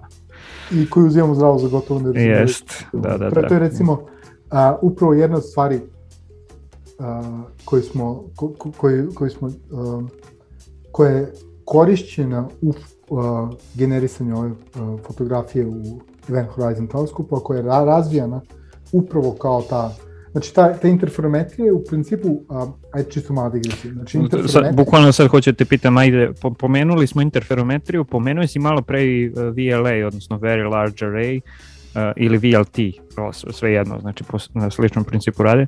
Ajde objasnimo šta je interferometrija, da ne ulazimo previše detalje, čisto da ne ostavimo ljude. Da, da, VLT je zapravo optički, da, Very Large da, da, Array, da, da, da. ali u principu znam da su bili testovi korišćenja VLT-a kao i u optičkoj interferometriji. Znači šta je tu fora? U nekom trenutku zapravo ljudi kad su krenuli da prave teleskope, jel te, skapirali su uh, da prosto što je veće ogledalo, odnosno sočivo teleskopu, zavisno od koji je tip, a, to je veća razdvojna moć. A to praktično znači u veoma laičkim a, terminima, to znači više možemo da uveličamo neki objekat. Odnosno, a da ne izgubimo mm -hmm. Znači, možemo što je veća razvojna moć, možemo da vidimo sitnije stvari na, mm -hmm. na nekim Pa da, da mnogo bolje razdvojimo dva neka bliska elementa, dve bliske zvezde, dve bliske tačke, šta Upravo god. Upravo to, ono, uh, veliku mm -hmm. mrlju na Jupiteru, delove mm -hmm. na Suncu, dvojne zvezde, možemo da razvijemo što ti kažeš negde daleko, možemo da vidimo detalje gasova, magline i ostalo sve. I super. Uh, I onda u jednom trenutku, jel, te ljudi su krenuli da prave sve veći veći teleskope, što se i dan danas dešava. I imamo ono, ekstremne situ, ekstremnu situaciju sa ekstremno large teleskopom, koji mm -hmm. bi mhm. trebalo da bude ispred, ako grešim, 100 metara ovaj, veličine. Uh, ne znam, ne, ne znam. Tako mi u glavi. Znam ima, da je... i neki, ima i neki u Kini koji je bio nešto tipa 500 metara, ali to je radio teleskop, ali nije, nije ni važno, da. Čekaj, zahvaljujući um, zahvaljujući internetu i astrofizici i CERN-u zapravo možemo da proverimo u 40, trenutku. Pa dobro, 40. Da, da, da. Ali 40 metara, što je da se razumemo stvarno veliko i ono, očekuju mm. se fantastične stvari, je sa 40 metara razdvojene moći, razdvojne moći biti tolika da ono, postoje, da ćemo moći da vidimo najranije galaksije i zapravo ono što je mnogo interesantnije u ovoj situaciji, možda ćemo moći da uh, analiziramo atmosfere egzoplaneta da mm -hmm. u mhm. najopštim crtama da vidimo da li postoje ono, da li postoji kiselnik ili što god oko, na, na tim bliskim uh, vansolarnim planetama. E, okay. Da, ali, ali ne možemo, ako nam treba još sitnije, mi ne, mislim, ne možemo napravimo teleskop koji je prečnika 5 km. Još uvijek. Evo, još uvijek. A, ali, ali, ali, tu si, da, mislim, u principu čisto, tu si u pravu ali ljudi žele da naprave teleskop da, da. Znači, koji ima prečih 5 km i onda su u jednom trenutku prosto razvijanjem posmatračkih metoda i teorije iza posmatranja skapirali da um, što se tiče radioteleskopa koji su vazda bili veći, znači mi smo uh, radioteleskope, za radioteleskope ne treba ogledalo, ali mm -hmm. problem ogledala je taj što je težak i skupo ga je napraviti toliko i tako dalje i tako bliže. Mi tek sada imamo tehnologiju da možemo da pričamo o teleskopima od 40 metara sa ogledalom, ali pre recimo 50 godina to nije bilo nikakve šanse, što mm -hmm. su mhm. još uvijek bili aktualni teleskopi reda par metara ili par desetina metara. Uh, I to je bilo uh, enormno skupo, ali s druge strane radio teleskopi dovoljno ti je ono jedan, kako bi rekao, uh, lim koji će da odbija radio mm -hmm. talas i da skupljamo i onda su radio teleskopi, imali smo Recibo koji jeste bio 100 metara, imali smo možda više, a, imali smo Arecibo, a, pored Arecibo imali smo singularne one radio tanjire koje vidimo u raznim NASA filmovima. Mm -hmm, mm -hmm. Arecibo, Arecibo je 300 metara, evo se znam. A, imali smo a, znači Effelsberg i razne druge koji su bili 30 do 50 metara prečnika, mm -hmm. single dish. E, a onda su ljudi skapirali, ok, ali neki radio objekti koje vidimo, čisto zbog um, talasnih dužina, dužina na kojima ih posmatramo, oni su super svetli, ali nemamo, tako da imamo više nego dovoljno informacija koje kupimo. I pošto je, jel te, druga poenta veličine uh,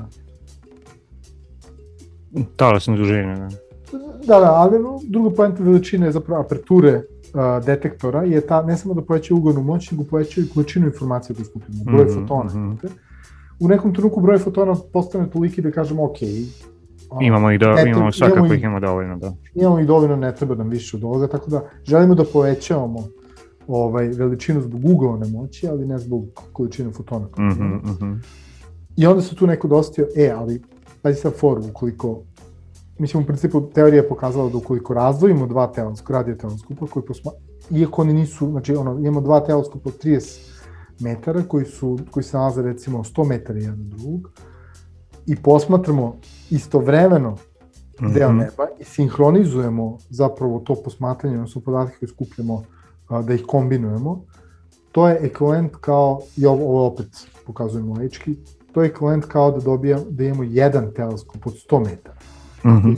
Udaljimo na 300 metara i imaćemo, umesto da gradimo teleskop od 300 metara u dolini uh, između dve, dva brda u Portoriku, uh, imaćemo zapravo, ova dva možemo da napravimo dva, met, dva teleskopa 30 metara, uh, 30 metara na 300 metara rastojanja i da simuliramo kao da imamo teleskop od 300 metara. Mm -hmm, mm -hmm.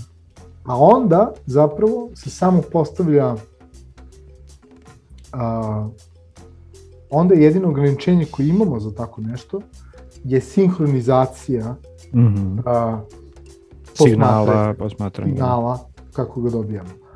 Ako uspemo da dovoljno precizno sinhronizujemo a, prikupljanje signala sa dva teleskopa, radio teleskop, optička teleskop, nije bitno, onda možemo da imamo, a, kako bih rekao, proizvodno pa, veliki, mm -hmm. proizvodno veliki uh, teleskop. E, Dobro, imamo to... i ograničenje koje se tiče rotacije zemlje, ali ajde da, da, da ali da ulazimo, da. Proizvodno veliki u da, mhm. sadašnjem mm -hmm. svetu podrazumeva, mm -hmm. ako bismo jedan stavili na mesec, a drugi na planetu Zemlju, razumeš, i sinhronizovali mm -hmm, mm -hmm. sa dva, imali bismo uh, radio teleskop, ajde, ako već pričamo o radio teleskopima, koji bi bio, baseline bi bio 300.000 km. Mm -hmm. Jel, jel te? Mm -hmm.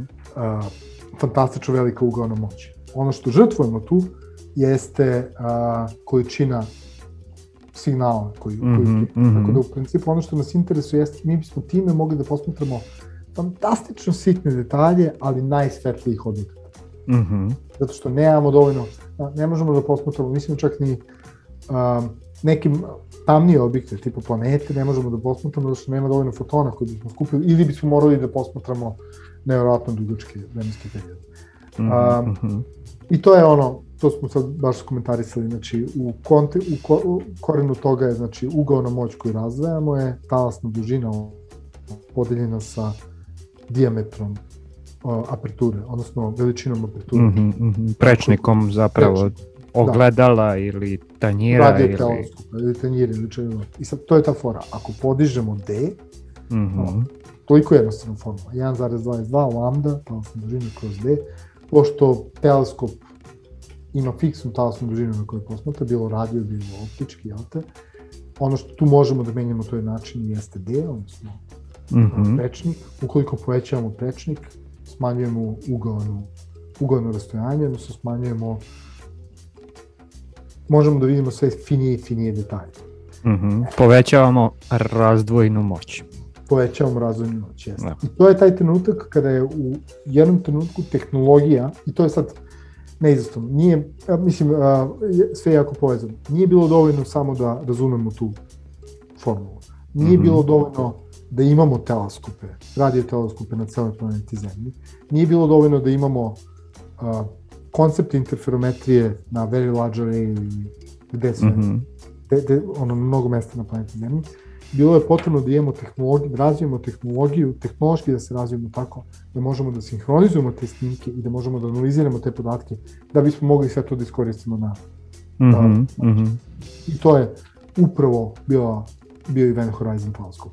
Znači, osam teleskopa širom planete Zemlje su sinhronizovani atomskim časovnicima, na takav način da zapravo mogu da posmatraju istovremeno, odnosno koliko to dozvoljava rotacija planete Zemlje, određenu tačku na nebu i da zapravo možemo da analiziramo te podatke na način da to bude upotrebljivo, da razlučimo centar um, mlečnog puta, odnosno mm -hmm. M87. Zašto su izabrani M87 i centar mlečnog puta? Zato što su to dve uh, najprostranije, na, uh, ugaono, supermasivne svenupe sa najvećim ugaonim uh, prečnikom na nebu, da. Na nebu. Na nebeskoj sferi u stvari, da. Yes. Zašto je M87 bio prvi? Pa zato što u principu mleči put ima tu nezgodaciju da mi gledamo kroz ravan mlečeg puta, tako da je to kao kad gledamo kroz maglu. Mm -hmm. Tako da je tu bilo dosta stvari koje treba uh, kako bi rekao, pročistiti. Pročistiti, odnosno redukovati podatke. Mm -hmm. M87 je zapravo drugačiji u smislu da ga ne, ono, ne gledamo kroz maglu, tako da je bilo jednostavnije. Pa kao takav bio je... Uh, A i masivan je, da.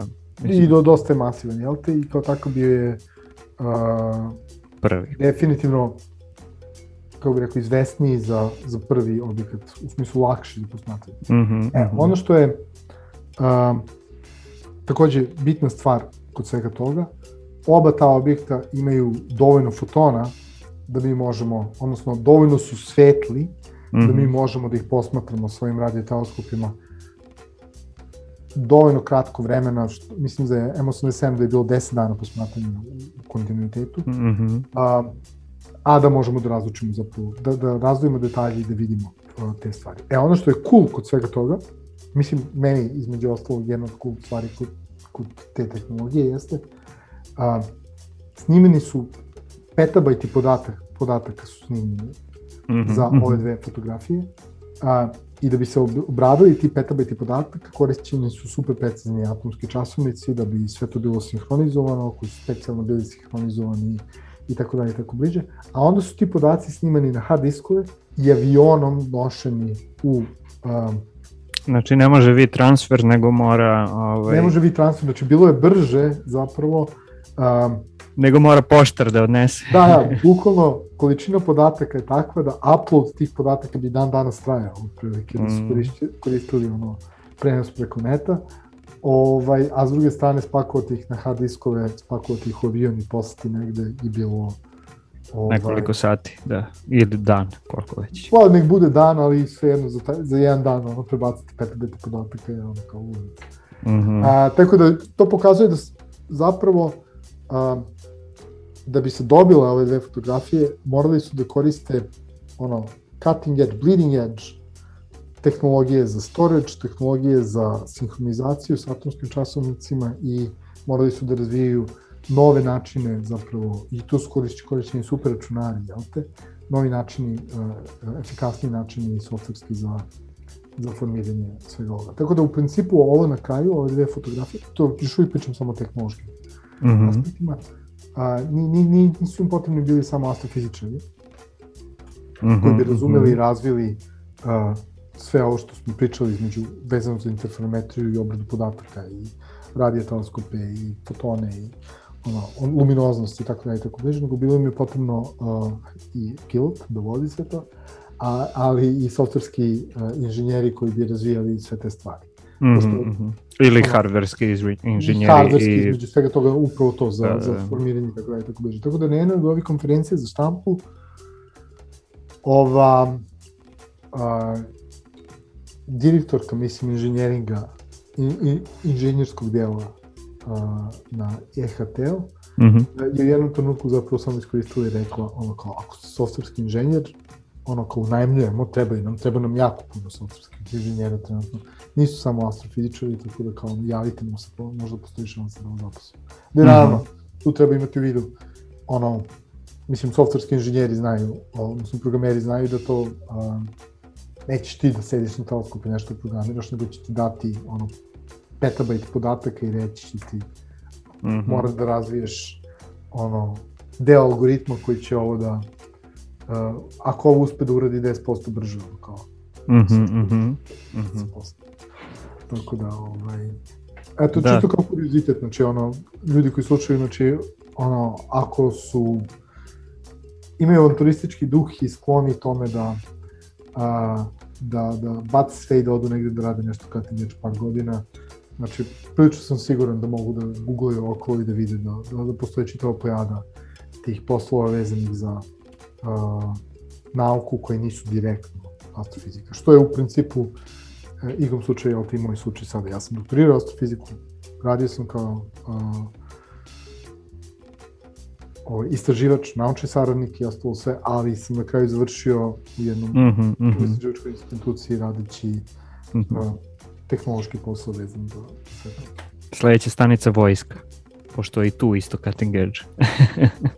e, da, da, da, to je, to je, tu, tu sad ima posebno, sad nisam siguran sa moralne strane da bi... Ovaj, šalim se, šalim se. Da bi to bi, ne, ne, čisto to je, to je sa meni lično, ali recimo, a, uvek volim da navedem kao primer i mislim da to treba pričati o tome. Uh, keyhole eksperimente, mislim, pretpostavljam da se čuo za to, to su Hubble teleskopi, uh, ono, kojih ima desetak u orbiti oko planete Zemlje, koji su isključivo, mm -hmm. on, isključivo za potrebe mm -hmm, mm -hmm. špioniranja, odnosno za snimanja na Zemlju, a ne van Zemlje. Ovaj, I uh, koliko je ljudima, koliko je astrofizičarima trebalo da lansiraju James Webb Space Telescope, istovremeno ovi sve vreme imaju uh, uh, određeni broj tih teleskopa koji su reda veličine Hubble, ako ne veći. Mm -hmm. I ono što je meni bilo zapravo najšokantnije jeste 2011. kada je uh, Department of Defense dao dva teleskopa veličine Hubble-a, mm -hmm. uh, astrofizičarskoj zajednici rekao, e, ovo nam više ne treba, evo ovo. Tako da će oni sada budu lansirani i mislim da će biti uh, iskorišćeni pošto imaju kratku žižu, odnosno pravljeni su za snimanje na zemlju, mm -hmm, mm -hmm. iskorišćeni za uh, istraživanje tamne energije, za mapiranje velikih površina, mm -hmm. vremeno velike površine na uh, velikih ugla. Na ne, da, da, da. Da velike površine neba da bi se zapravo pravila mapa za istraživanja tamne energije. To mislim da uskoro treba da budu lansirani, tako da su konačno naše nam. I Evo šta, te dve stvari nisam znao, da. Da, i druga stvar je onaj X-37B, odnosno mm -hmm. popuno uh, robotski automatizovani Space Shuttle koji koristi prvo, ranije ga je, znači to je bilo Air Force, sad je Space Force, koji ono, imaju nekoliko tih koji idu u misije po 500 dana. U trenutku dok Amerikanci plaćaju Rusima lansiranje na svemirsku stanicu, uh, mm -hmm, pred 10 mm -hmm. godina više, ovaj, oni s jedne strane, uh, znači civilno to NASA ima, imalo je problem sa finansiranjem, s druge strane ono, razvijali su potpuno automat, automatizovane male svemirske avione, da.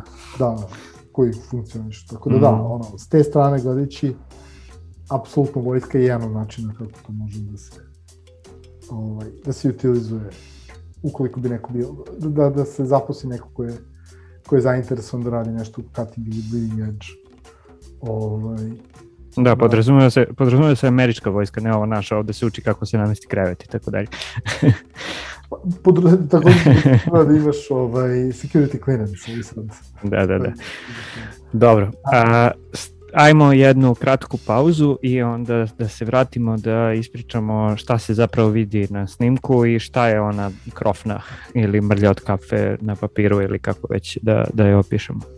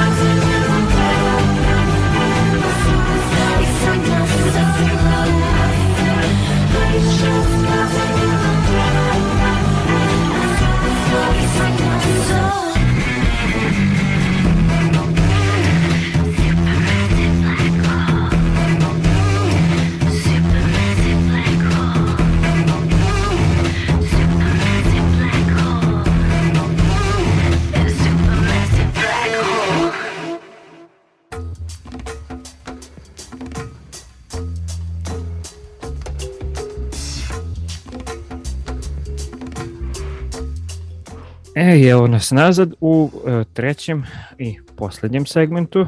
Brzo prolazi vreme, a mi smo tek, tek počeli da pričamo, ali to je tako uvek. Ovi, u, skoro uvek u Radio Galaksiji i uvek sa Nemanjom Martinovićem. A, da, znači svi ste verovatno videli snimak, objavljen je svuda redom, znači snimak onog uh, uh, objekta u centru M87 pre par godina, a i snimak Mlečnog puta, odnosno Sagittarius A zvezda, i to je neka vrsta krofne, ajde onako zamrljane krofne, ovaj prvi snimak M87 izgleda tako što tako postoji ta neka krofnast oblik koji je sa jedne strane malo deblji, sjajniji, sa druge strane je malo tanje i manje sjajan. E, kod ovog snimka e, e, objekta, odnosno okoline Crne rupe u centru Mlečnog puta, imamo nešto slično, samo što postoje neke tri svetle tačke, ajde da kažemo tri svetla regiona na tom prstenu, na toj krofni. I sad to je ta okolina e, crne rupe, supermasivne crne rupe koje smo mi snimili, ali šta tačno? Znači, odakle dolaz, dolazi ta svetlost? Šta mi tu vidimo? Kakva je to struktura? E, kako smo uopšte došli do toga da to baš tako izgleda? E, I kako, kako su zapravo, kako funkcionisao ceo taj proces snimanja i izvlačenja onog konačnog, konačne informacije koju smo mi videli kao sliku? Da, ok. Ono što svetli delovi koje vidimo na, na slici, oni naranđasti delovi, zapravo, znači to, prvo vidimo, ajde ovako da kažemo, vidimo rezultat redukcije podataka. Znači, a, sa slike su uklonjeni, snimano je, jel te, danima, a, onda je išla obrada podataka koja je trajala dve godine u slučaju M87, a, i onda sa slike su uklonjeni svi ovi a, šumovi, šumovi smetnje, da. smetnje i sve ostalo, ono, ne, stvari koje nisu od interesa u ovom, u ovom konkretnom slučaju za, za ovu sliku. I ono što je ostalo, ostalo je um, okolina, ajde da kažemo, ono što se vidi jeste, ono naranđasti da je bliska okolina supermasivne crne rupe, u prvom slučaju M87 pre 2019. godine, odnosno sada uh, centar naše galaksije. Um, deo koji se vidi zapravo, on, ono što, ono, to je glavni deo je zapravo, mislim da je fotonska sfera. Bar ovako, ajde, uh, na osnovu... Nismo, da, nismo objasnili šta je fotonska sfera, ali da, ajde, objasnit ćeš sad da. Da, samo hoću da kažem, na osnovu uh, nisam u 100% siguran, uh, zato što pogotovo sa M, uh, sa, sa mlečnim putem, centrum, tom slikom mlečnog puta, nije baš u potpunosti najjasnije, ali mislim da je fotonska sfera i zapravo deo izvan fotonske sfere i da je um, Razlog zašto je zamrljena, prosto zato što mi imamo ugaonu rezoluciju jako veliku, ali ona opet nije toliko velika da možemo da vidimo detalje, to je jedna stvar. I druga stvar, a, tu ima do, dosta sekundarnih efekata zbog kojih ja mislim da trenutno nisu, nije ni moguće zapravo videti a, oštrije ove, ove podatke. Prosto ono, taj gas se kreće, a, postoji ograničenje koliko su mogli da redukuju podatke, to je da, um, kako bih rekao, uh, odstrane kretanje zemlje prilikom snimanja uh, svih tih podataka. Uh, tako da imamo tu relativističke efekte oko same crne rupe, tako da u principu praktično mi vidimo razmrljeno taj gas koji se nalazi oko uh, te, tih supermasivnih crnih rupa u oba slučaja, ovaj, i koji je zapravo zagrejan akrecijom, odnosno um, energijom koja se oslobađa zapravo kada deo tog gasa bude absorbovan mm -hmm. na samom Znači šta se tu dešava? Zapravo to je, ajde prvo tu stvar da objasnimo. Kada materija pada, i mislim da smo to već i pomenuli, kada materija pada na, na površinu, ne na površinu, na, na horizont događaja, ka horizontu događaja, um, deo te materije bude izračen, izračen, pretvoreno energiju izračen s polja ta energija koja bude izračena s polja, to je ono što zagreva taj gas koji se nalazi a, okolo supermasivne crne rupe, deo da zapravo bude apsolutno od strane supermasivne crne rupe. A, ne samo to, nego ta materija koja taj akrecijni disk, odnosno ta materija koja cirkulira blisko supramasivnoj sinorupi, ona interaguje samo sa sobom, zagreva se, ima tu dosta trenja i to je ono što vidimo. A, znači mi ono, se... ono, ono što je isto važno da kažemo je da taj akrecijni disk ne ide skroz direktno do uh, horizonta događaja. Znači ta materija ne ide kontinualno do horizonta događaja, ne padaju čestice na horizont događaja zato što kada se približe dovoljno horizontu događaja do neke udaljenosti od horizonta događaja, materija u tom stanju više ne može da, da postoji, nego se pretvara zapravo u, u, u energiju. Da. I to je ono što zovemo... I prestamo uh -huh. da je vidimo prosto. Da, to je ono što zovemo unutrašnji radijus uh, akresivnog diska, da. Jeste, jeste. E onda to ispod? E, sad, ono što je um, ispod, znači mi imamo fotonsku sferu. Fotonska sfera je zapravo, uh, i to je nešto što je u principu teoretisano i otkriveno i uh, um, u, u pravcu u kom se teorija razvijala zadnjih, mislim, 20-30 godina. Uh, to je poslednja stabilna orbita koju fotoni mogu da imaju. Znači, to je prosto uh, rastojanje od crne rupe na kome a, fotoni orbitiraju oko crne rupe.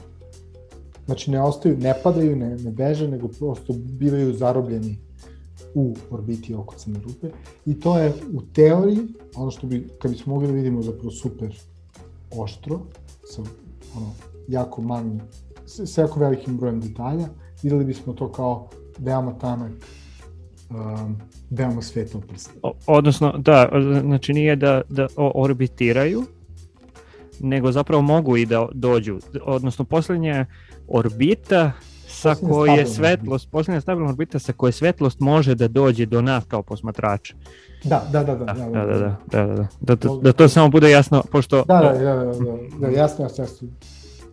Pravo se, pravo se. Mislim, u principu, koliko bi bila orbita, kontinualna orbita, nijedan foton ne bi došao do nas. Mm -hmm, mm -hmm.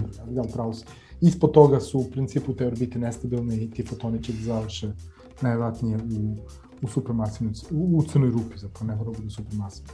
E sad, poenta je taj unutrašnji deo AGN-a, unutrašnji deo zapravo tog akrecijnog diska i ta fotonska sfera, te dve stvari su super, ono, kako bih rekao, um, jedna preko druge na ovom snimku i mi ih vidimo zapravo kao jednu, jednu celinu. Delovi koji su svetli na, na snimku su delovi zapravo gde mi imamo a, kako bih rekao, zračenje zahvaljujući a, a, apsorpciji materije, odnosno zahvaljujući materiji koja je u tom trenutku pala na, na crnu rupu. Tako da mi možemo da vidimo a, u slučaju a, to je super, još jedna veoma interesantna razlika, znači koja tu ima jako interesantne uh, posledice. Znači M87 je džinovska supramasivna rupa. A, rastojanje koje vidimo na toj slici su jako, jako velika.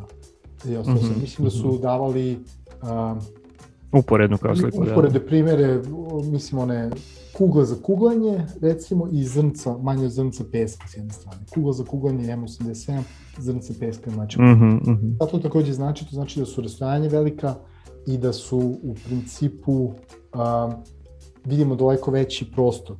Mm -hmm. da, da prostor koji vidimo, znači ono, taj, taj disk koji vidimo oko supermasivne snemuke je daleko veći, što znači da, iako se čini da su oni slični, i u principu nekom, ono, ajde da kažemo, uh, u, u teoriji jesu slični, a, rastojanje su toliko dramatično različito da mi na M87 vidimo usrednjeno jako velike delove prostora. Mm -hmm. a, ne samo to, nego su oni jako da, daleko sporije kreću. A, prosto zato što su to ogromne rastojanje. Brzine su velike, ali su ogromne rastojanje, tako da a, celo, ceo taj snimak, cela ta slika M87 je praktično stacionarna. Mm -hmm, mm -hmm. Znači ono u smislu ne menja se. Ono, mm -hmm. morali bismo da posmatramo hiljadama godina da bismo videli promenu na toj uh, Odnosno, za vreme za koje smo mi posmatrali se ovaj, ništa značajno nije, nije desilo da. na, na, u toj okolini, da. Dok yes, se za vreme bili... koje smo posmatrali mrečni put zapravo može da desi da Jest, da ne znam. praktično kao mrav kada gleda drvo kako raste za sve vreme svog života, pa onda dođe i kaže mm -hmm, mm -hmm. Se ne menja. a u stvari je o, vreme koje je posmatrao jako kratko. E, s druge strane, ovaj, EMOS, mleči put koji trenutno gledamo, koji, koji, koji je EHA, uh, Event Horizon teleskop posmatru, u ovom slučaju, je kao da posmatramo reku. Mm -hmm. E, I sad, o tome se radi. Slika koju su oni predstavili uh, i koji su ovaj, dali na konferencijama za štampu i na ovim PR eventovima i svema ostalome, je samo jedna od slika uh, te reke koju smo videli. Zapravo oni su, imaju, pošto su posmatrali mm -hmm. uh, daleko duže vremena, ja mislim da su tu bili neki meseci u pitanju posmatranja, oni imaju um, u jednom trenutku su zapravo predstavili sve te slike kako izgledaju i to se vidi da su te slike dramatično drugačije, da je situacija da, daleko dinamičnija nego, nego u situaciji. Mm -hmm, mm -hmm. I kad bi usrednjili to sve, to bi verovatno izgledalo nešto slično onome što smo imali kod M87, da? Da, da, da, da upravo, upravo. Da. Imali smo daleko, kontinu, daleko manje imaju slike na kojima ima delova koji su dosta tamniji zato što u tom trenutku nema nekog dramatičnog zračenja s te strane. Ima slike kao što je ovde jedno, mm -hmm. tri svetle tačke, ali ukoliko bismo ustranjili u pravu sam, znači verovatno bi bilo i gledalo bi jako, jako slično kao mislim da se. E sad, šta je a, kod mlečnog puta, šta je tu zapravo bilo, a, kod te supermasivne crne grupe, kod sekretarisa A zvezda, a, šta, je, šta je tu zapravo bitna stvar? A, te slike omogućavaju zapravo da mi a, uporedimo a, kalibri, da, da uporedimo te slike sa simulacijama koje imamo iz teorije, mm -hmm. gde u simulacijama zapravo možemo da a, podešavamo parametre, odnosno masu i spin, ali u ovom slučaju, pošto znamo masu, spin, supermasivne mm -hmm. i orientaciju spina supermasivne grupe, a videli su na nekim, u nekim delovima, to su pričali, sve na vreme su videli polarni jet, što je definisalo koje je nagib mm -hmm.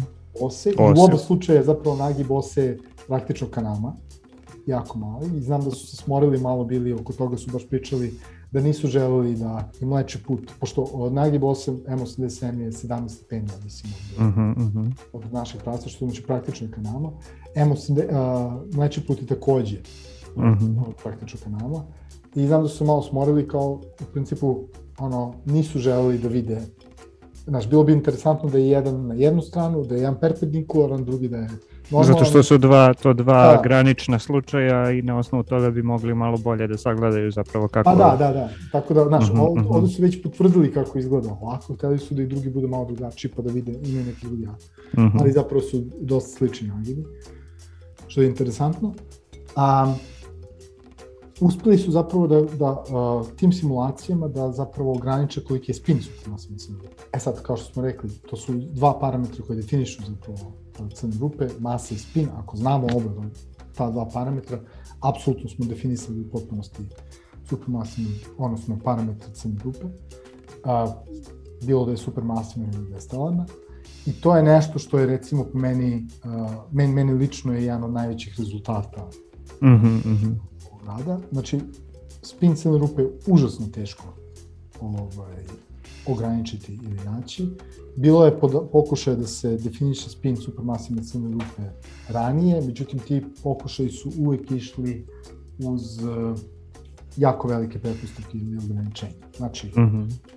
Avi Loeb je probao da definiše, da constrainuje spin supermasivne crne rupe pre tri godine, ali za constrain je došao i rekao orbite zvezda oko supermasivne crne rupe moraju da budu uh, stabilne dugo stabilan.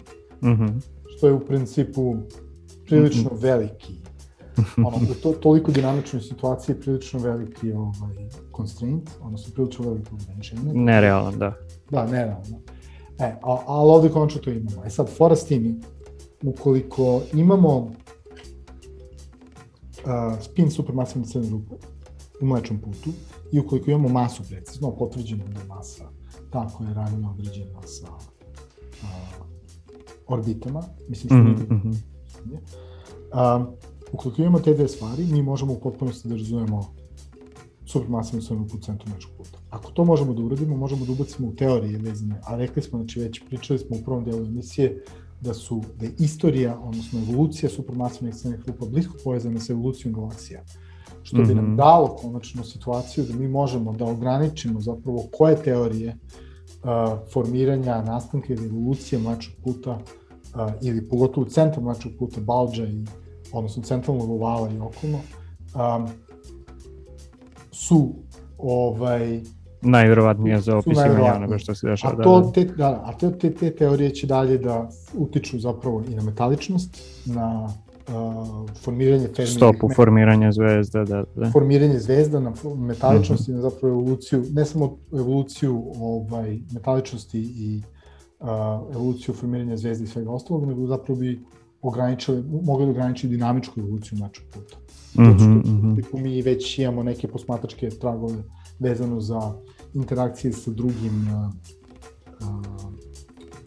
patriotskim galaksijama i sudarima koji su postali u istoriji mlečnog puta, ako mi sada znamo zapravo uh, spin uh, mm -hmm. i mhm. masu u centru uh, mlečnog puta, znamo zapravo, to sam zaboravio da kažem, najbitniji parametar, to, to nam definiše nešto što je radijativna efikasnost. Radijativna efikasnost je ono što definiše koliki procenat materije će da postane zračenje i da se izrači u okolni prostor, a -hmm. znamo zapravo kako uh, sudari i dinamičke interakcije utiču na dovođenje hladnog gasa, odnosno gasa u centar a, mlečnog puta, ako znamo kako, to, kako taj gas dolazi u centar mlečnog puta i koliko će to gasa da bude absorbovano, odnosno koliko, koliko je ograničen, a, maksimum koji može da bude izrčen okolo, znači mi u principu, ono, ja očekujem jako veliki a, dijapazon novih radova, istraživanja i teorija vezanih za, za evoluciju mlečnog sebe. Mislim, čito da ne zaboravim, mm -hmm. pre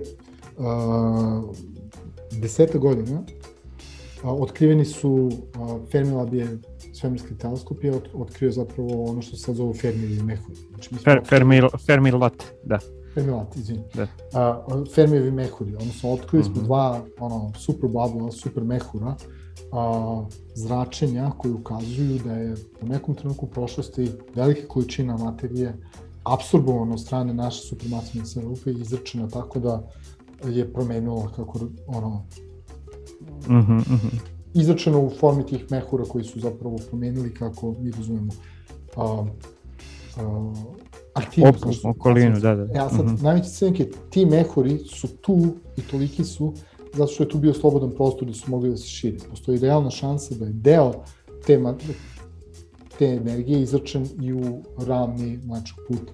Mm -hmm. To može da ima, mislim, daleko sežne utice na ono, naše razumevanje i formiranje života, na naše razumevanje metaličnosti i ostalo svega, zato što čito, u glavi su mi oni galaktička nastanjivost i sve ostalo, mm -hmm, koje, mm -hmm. koje bi ono, ukoliko sad, pošto sad znamo spin, mi možemo da kažemo ovoliko energije je bilo potrebno da se izrači um, ovolika mater, količina materije je bilo potrebno da padne na supermasivnu sunu lupu da bi se izračila u formi energije da da Fermijeve mehure, A ako bismo ono, računali da ti mehuri nisu, izra, da ta materija nije izračena samo gore i dole, nego da je izračena svemu simetrično, ta količina energije kroz disk mogla da prođe do, mm -hmm. do ovde i da triggeruje formiranje zvezde i slične stvari. Tako da, mislim, Ili da triggeruje masovno izumiranje, nek, da, odnosno trigger, da, da triggeruje da, mislim, nešto tog tipa. Da. Je, je, ono što pokušavam da kažem... Nestanak civilizacije, da to tako kažemo. Upravo to, ovaj, da objasni, da reši ovaj, Fermalu. Eto ti, znači vidiš ono kao Fermijevi mehur, Fermi lati, Fermi paradoks, sve je vezano, a zapravo su različite stvari.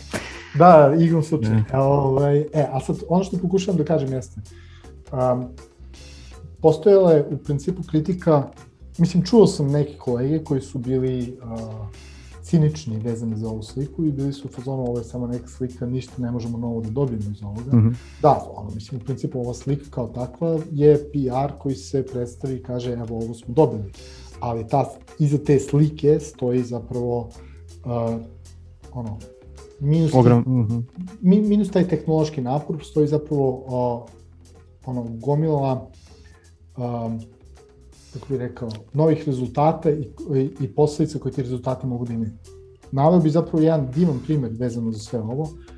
Po meni ovo je bliže, ova slika zapravo, takođe ta slika pokazuje da sve ono, ne samo ta, nego slika i M87 pre svega, zato što je prva, pokazuje da sve ono što smo uh, teoretski predviđali, zapravo da je stvarno tako.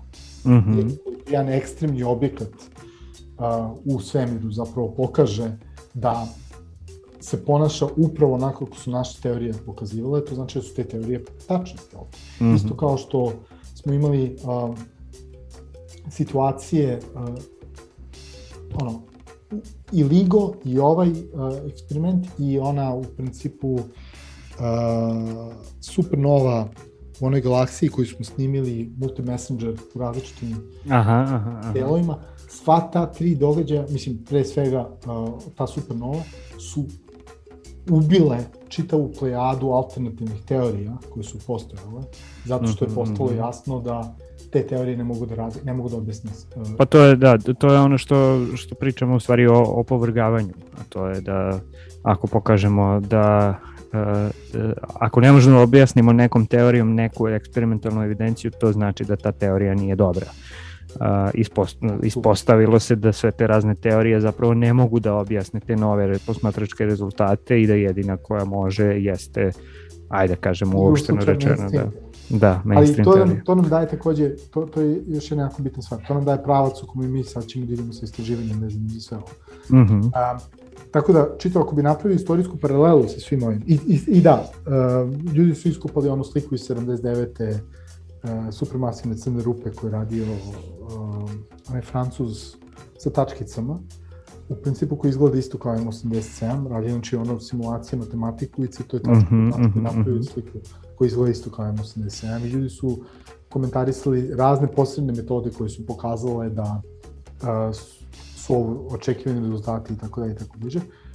Po meni uh, nisu ti metodi bili primarni, nego je ova slika sada dokazala da su svi ti metodi tačni i da je to bio zapravo dobar pravac u kome smo išli. Mm -hmm.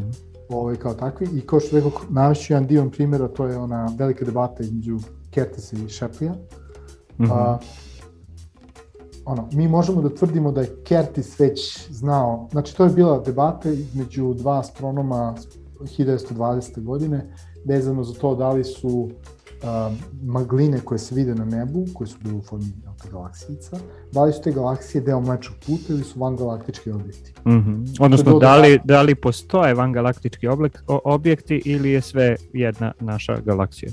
Jeste, jeste, e. tako da. Da je tvrdio da su to vangalaktički objekti i da je u principu svemir dosta veći nego što mi možemo da mislimo i da mm -hmm. su to druge galaksije sa svim implikacijama koje to treba. I, ovaj, I sad, sa tačke gledišta ono, razmaka od ono, kako bih rekao, sa istorijskog distanca pol godina, jel te, niko neće reći, a Hubble je, Cefeid, Hubble je snimio Cefeide i provalio da je ono, da su to vangalaktički objekti, ali znaš, nije on bio prvi, prvi je Kertis to rekao. Mm -hmm. I ostalo sve. Pa jeste Kertis to rekao, ali Hubble je bio taj koji je posmatranjem nedvosmisleno mm -hmm, pokazao mm -hmm. da su to vangalaktički objekti i svi pričamo o Hubble-ovom velikom otkriću, a ljudi koji se bave istorijom astronomije iz kurioziteta, oni znaju za veliku debatu.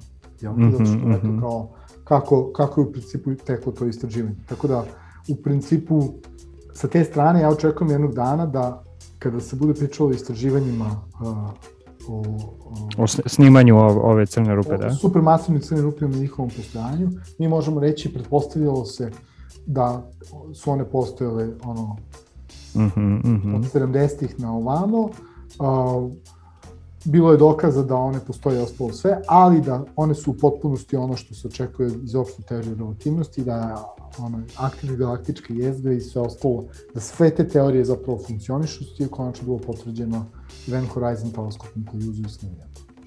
Pa da, pa to je, znači, što bi se reklo, magnetohidrodinamičke simulacije opšte relativnosti postoje od kad postoje, od kad se zna za magnetohidrodinamiku i za opštu relativnost manje više, ajde kao ne baš od kad se zna, ali kad su ljudi počeli da se baviti tim simulacijama, što jeste pre nek 50 godina, možda i više, um, ali zapravo prvi put sad mi možemo, mi imamo neke uh, neku posmatračku evidenciju koja može da nam kaže da ove simulacije dobro opisuju ono što, što mi vidimo ili ne pogrešili ste u simulacijama. Mislim, čisto da se razumemo, uh, detekcija gravitacijnih talasa je bila mnogo bolji uh -huh, uh, -huh. dokaz opšte teorije relativnosti, uh -huh, uh -huh. uspeh opšte teorije relativnosti. Ali ovo nije samo opšte teorije relativnosti, kao što si sam rekao. Što su uh -huh, hidrodinamičke simulacije i razumevanje aktivnih galaktičkih jezgara i gravica. Znači, sa tačke gledišta, recimo, teoretskog fizičara, ovo je, da, ovo smo očekivali, ali je mm -hmm. Sfeno i čak i tako dokaz. Sa tačke gledišta astrofizičara, mene kao astrofizičara koji se bavi e, evolucijom galaksije i supermasivnih grupa, ovo je super, zato što je mi konačno imamo ono, spin i masu jedne supermasivne crne rupe mm -hmm, mm -hmm. efikasnosti i znamo sve, sve druge stvari. Što ima daleko veće implikacije u stvari na astrofizička istraživanja i probleme upravo onoga što, od čega smo i krenuli kad smo pričali o supermasivnim crnim rupama, to je kako nastaju, kako, kako diktiraju evoluciju galaksija i tako dalje i tako dalje. Jeste, jeste, jeste. Tako da da. Tako da, Dobro. tako da je za mene ovo baš bilo ovo, ono, wow. Uh, pogotovo ukoliko sedneš i pogledaš ono, taj tehnički aspekt i šta je bilo potrebno i koliko ljudi koje saradnje i, i sve ovo što je stajalo iza svega toga. Ovaj, Yes. Uh, nadam se da će u nekom trenutku izbaciti uh, da, da uh, kako bih rekao već su to uradili, ali to nije toliko, ovaj, kako bih rekao, našlo maha kao sama ova slika, ali simulacije i pokazivanje kako zapravo evoluira ta okolina blisko okolina supermasivne crnope što su snimali, to, to je bilo isto jako, jako. Pa i ne samo to, mislim, potpuno je razumljivo i super je u stvari da završimo sa time, a to je da e, nije samo ovaj snimak, ovaj snimak je samo početak, što bi se reklo na neki način, i kad je snimljen M87, e, senzacionalistički se prenela vest o snimku i svuda se po medijima video taj snimak a zapravo ono što je usledilo je bilo nešto što nosi stvarno veliku količinu informacija e, i, i stvari a to je to su ono ceo serijal radova, ne znam koliko ih je beše bilo, nešto 6, 7, 8, tako nešto, koji su svaki pojedinačno se bavili po jednim velikim segmentom zapravo celog tog e, poduhvata. A imam utisak da znači na osnovu ovoga što smo sad pričali i na osnovu onoga što, što se vidi i po uh, zapravo zvaničnim saopštenjima i tako dalje i nekim još od drugih ono članaka koji se bave time po, po internetu koji mogu se nađu na engleskom, a, a to je da ovde ima zapravo još mnogo više više stvari koji će samo da izlaze kao upravo da, da upravo zahvaljujući serija radova, da. Da, da što je dinamičniji. Ej, samo jedna stvar za kraj. Um, jedan od um, znači ovo je ako bismo rekli u srži ovog istraživanja i mislim da je ono dobar um, primer toga zašto je zašto ovako istraživanja kako ovako istraživanja mogu da utiču fundamentalno na razvoj čovečanstva kao tako ovaj, na, na našu svakodnevnicu, iako to nikad iako to nekad prosto nije, nije jasno. A, a, ovaj, aperturna sinteza, jel te, koja je korišćena, znači to je metoda koja se koristi da se ukomponuju uh, snim, uh, signali, odnosno snimci različitih teleskopa interferometriju jedan združeni snimak. Mm -hmm, mm -hmm. To je ono što smo pomenuli, samo što ga nismo zapravo imenovali tad kad smo pričali. Da, da, znači to je, to je, da, upravo to, to je znači način kako, kako sve te slike zapravo, kako sve te, svi ti signali i podaci se iskombinuju da budu jedni. To je razvio uh, jedan astrofizičar koji se zvao Martin Ryle, koji upravo to razvio kao metodu uh, kombinacije slika na radioteleskopu prilikom interferometrije, da bi interferometrija bilo moguće.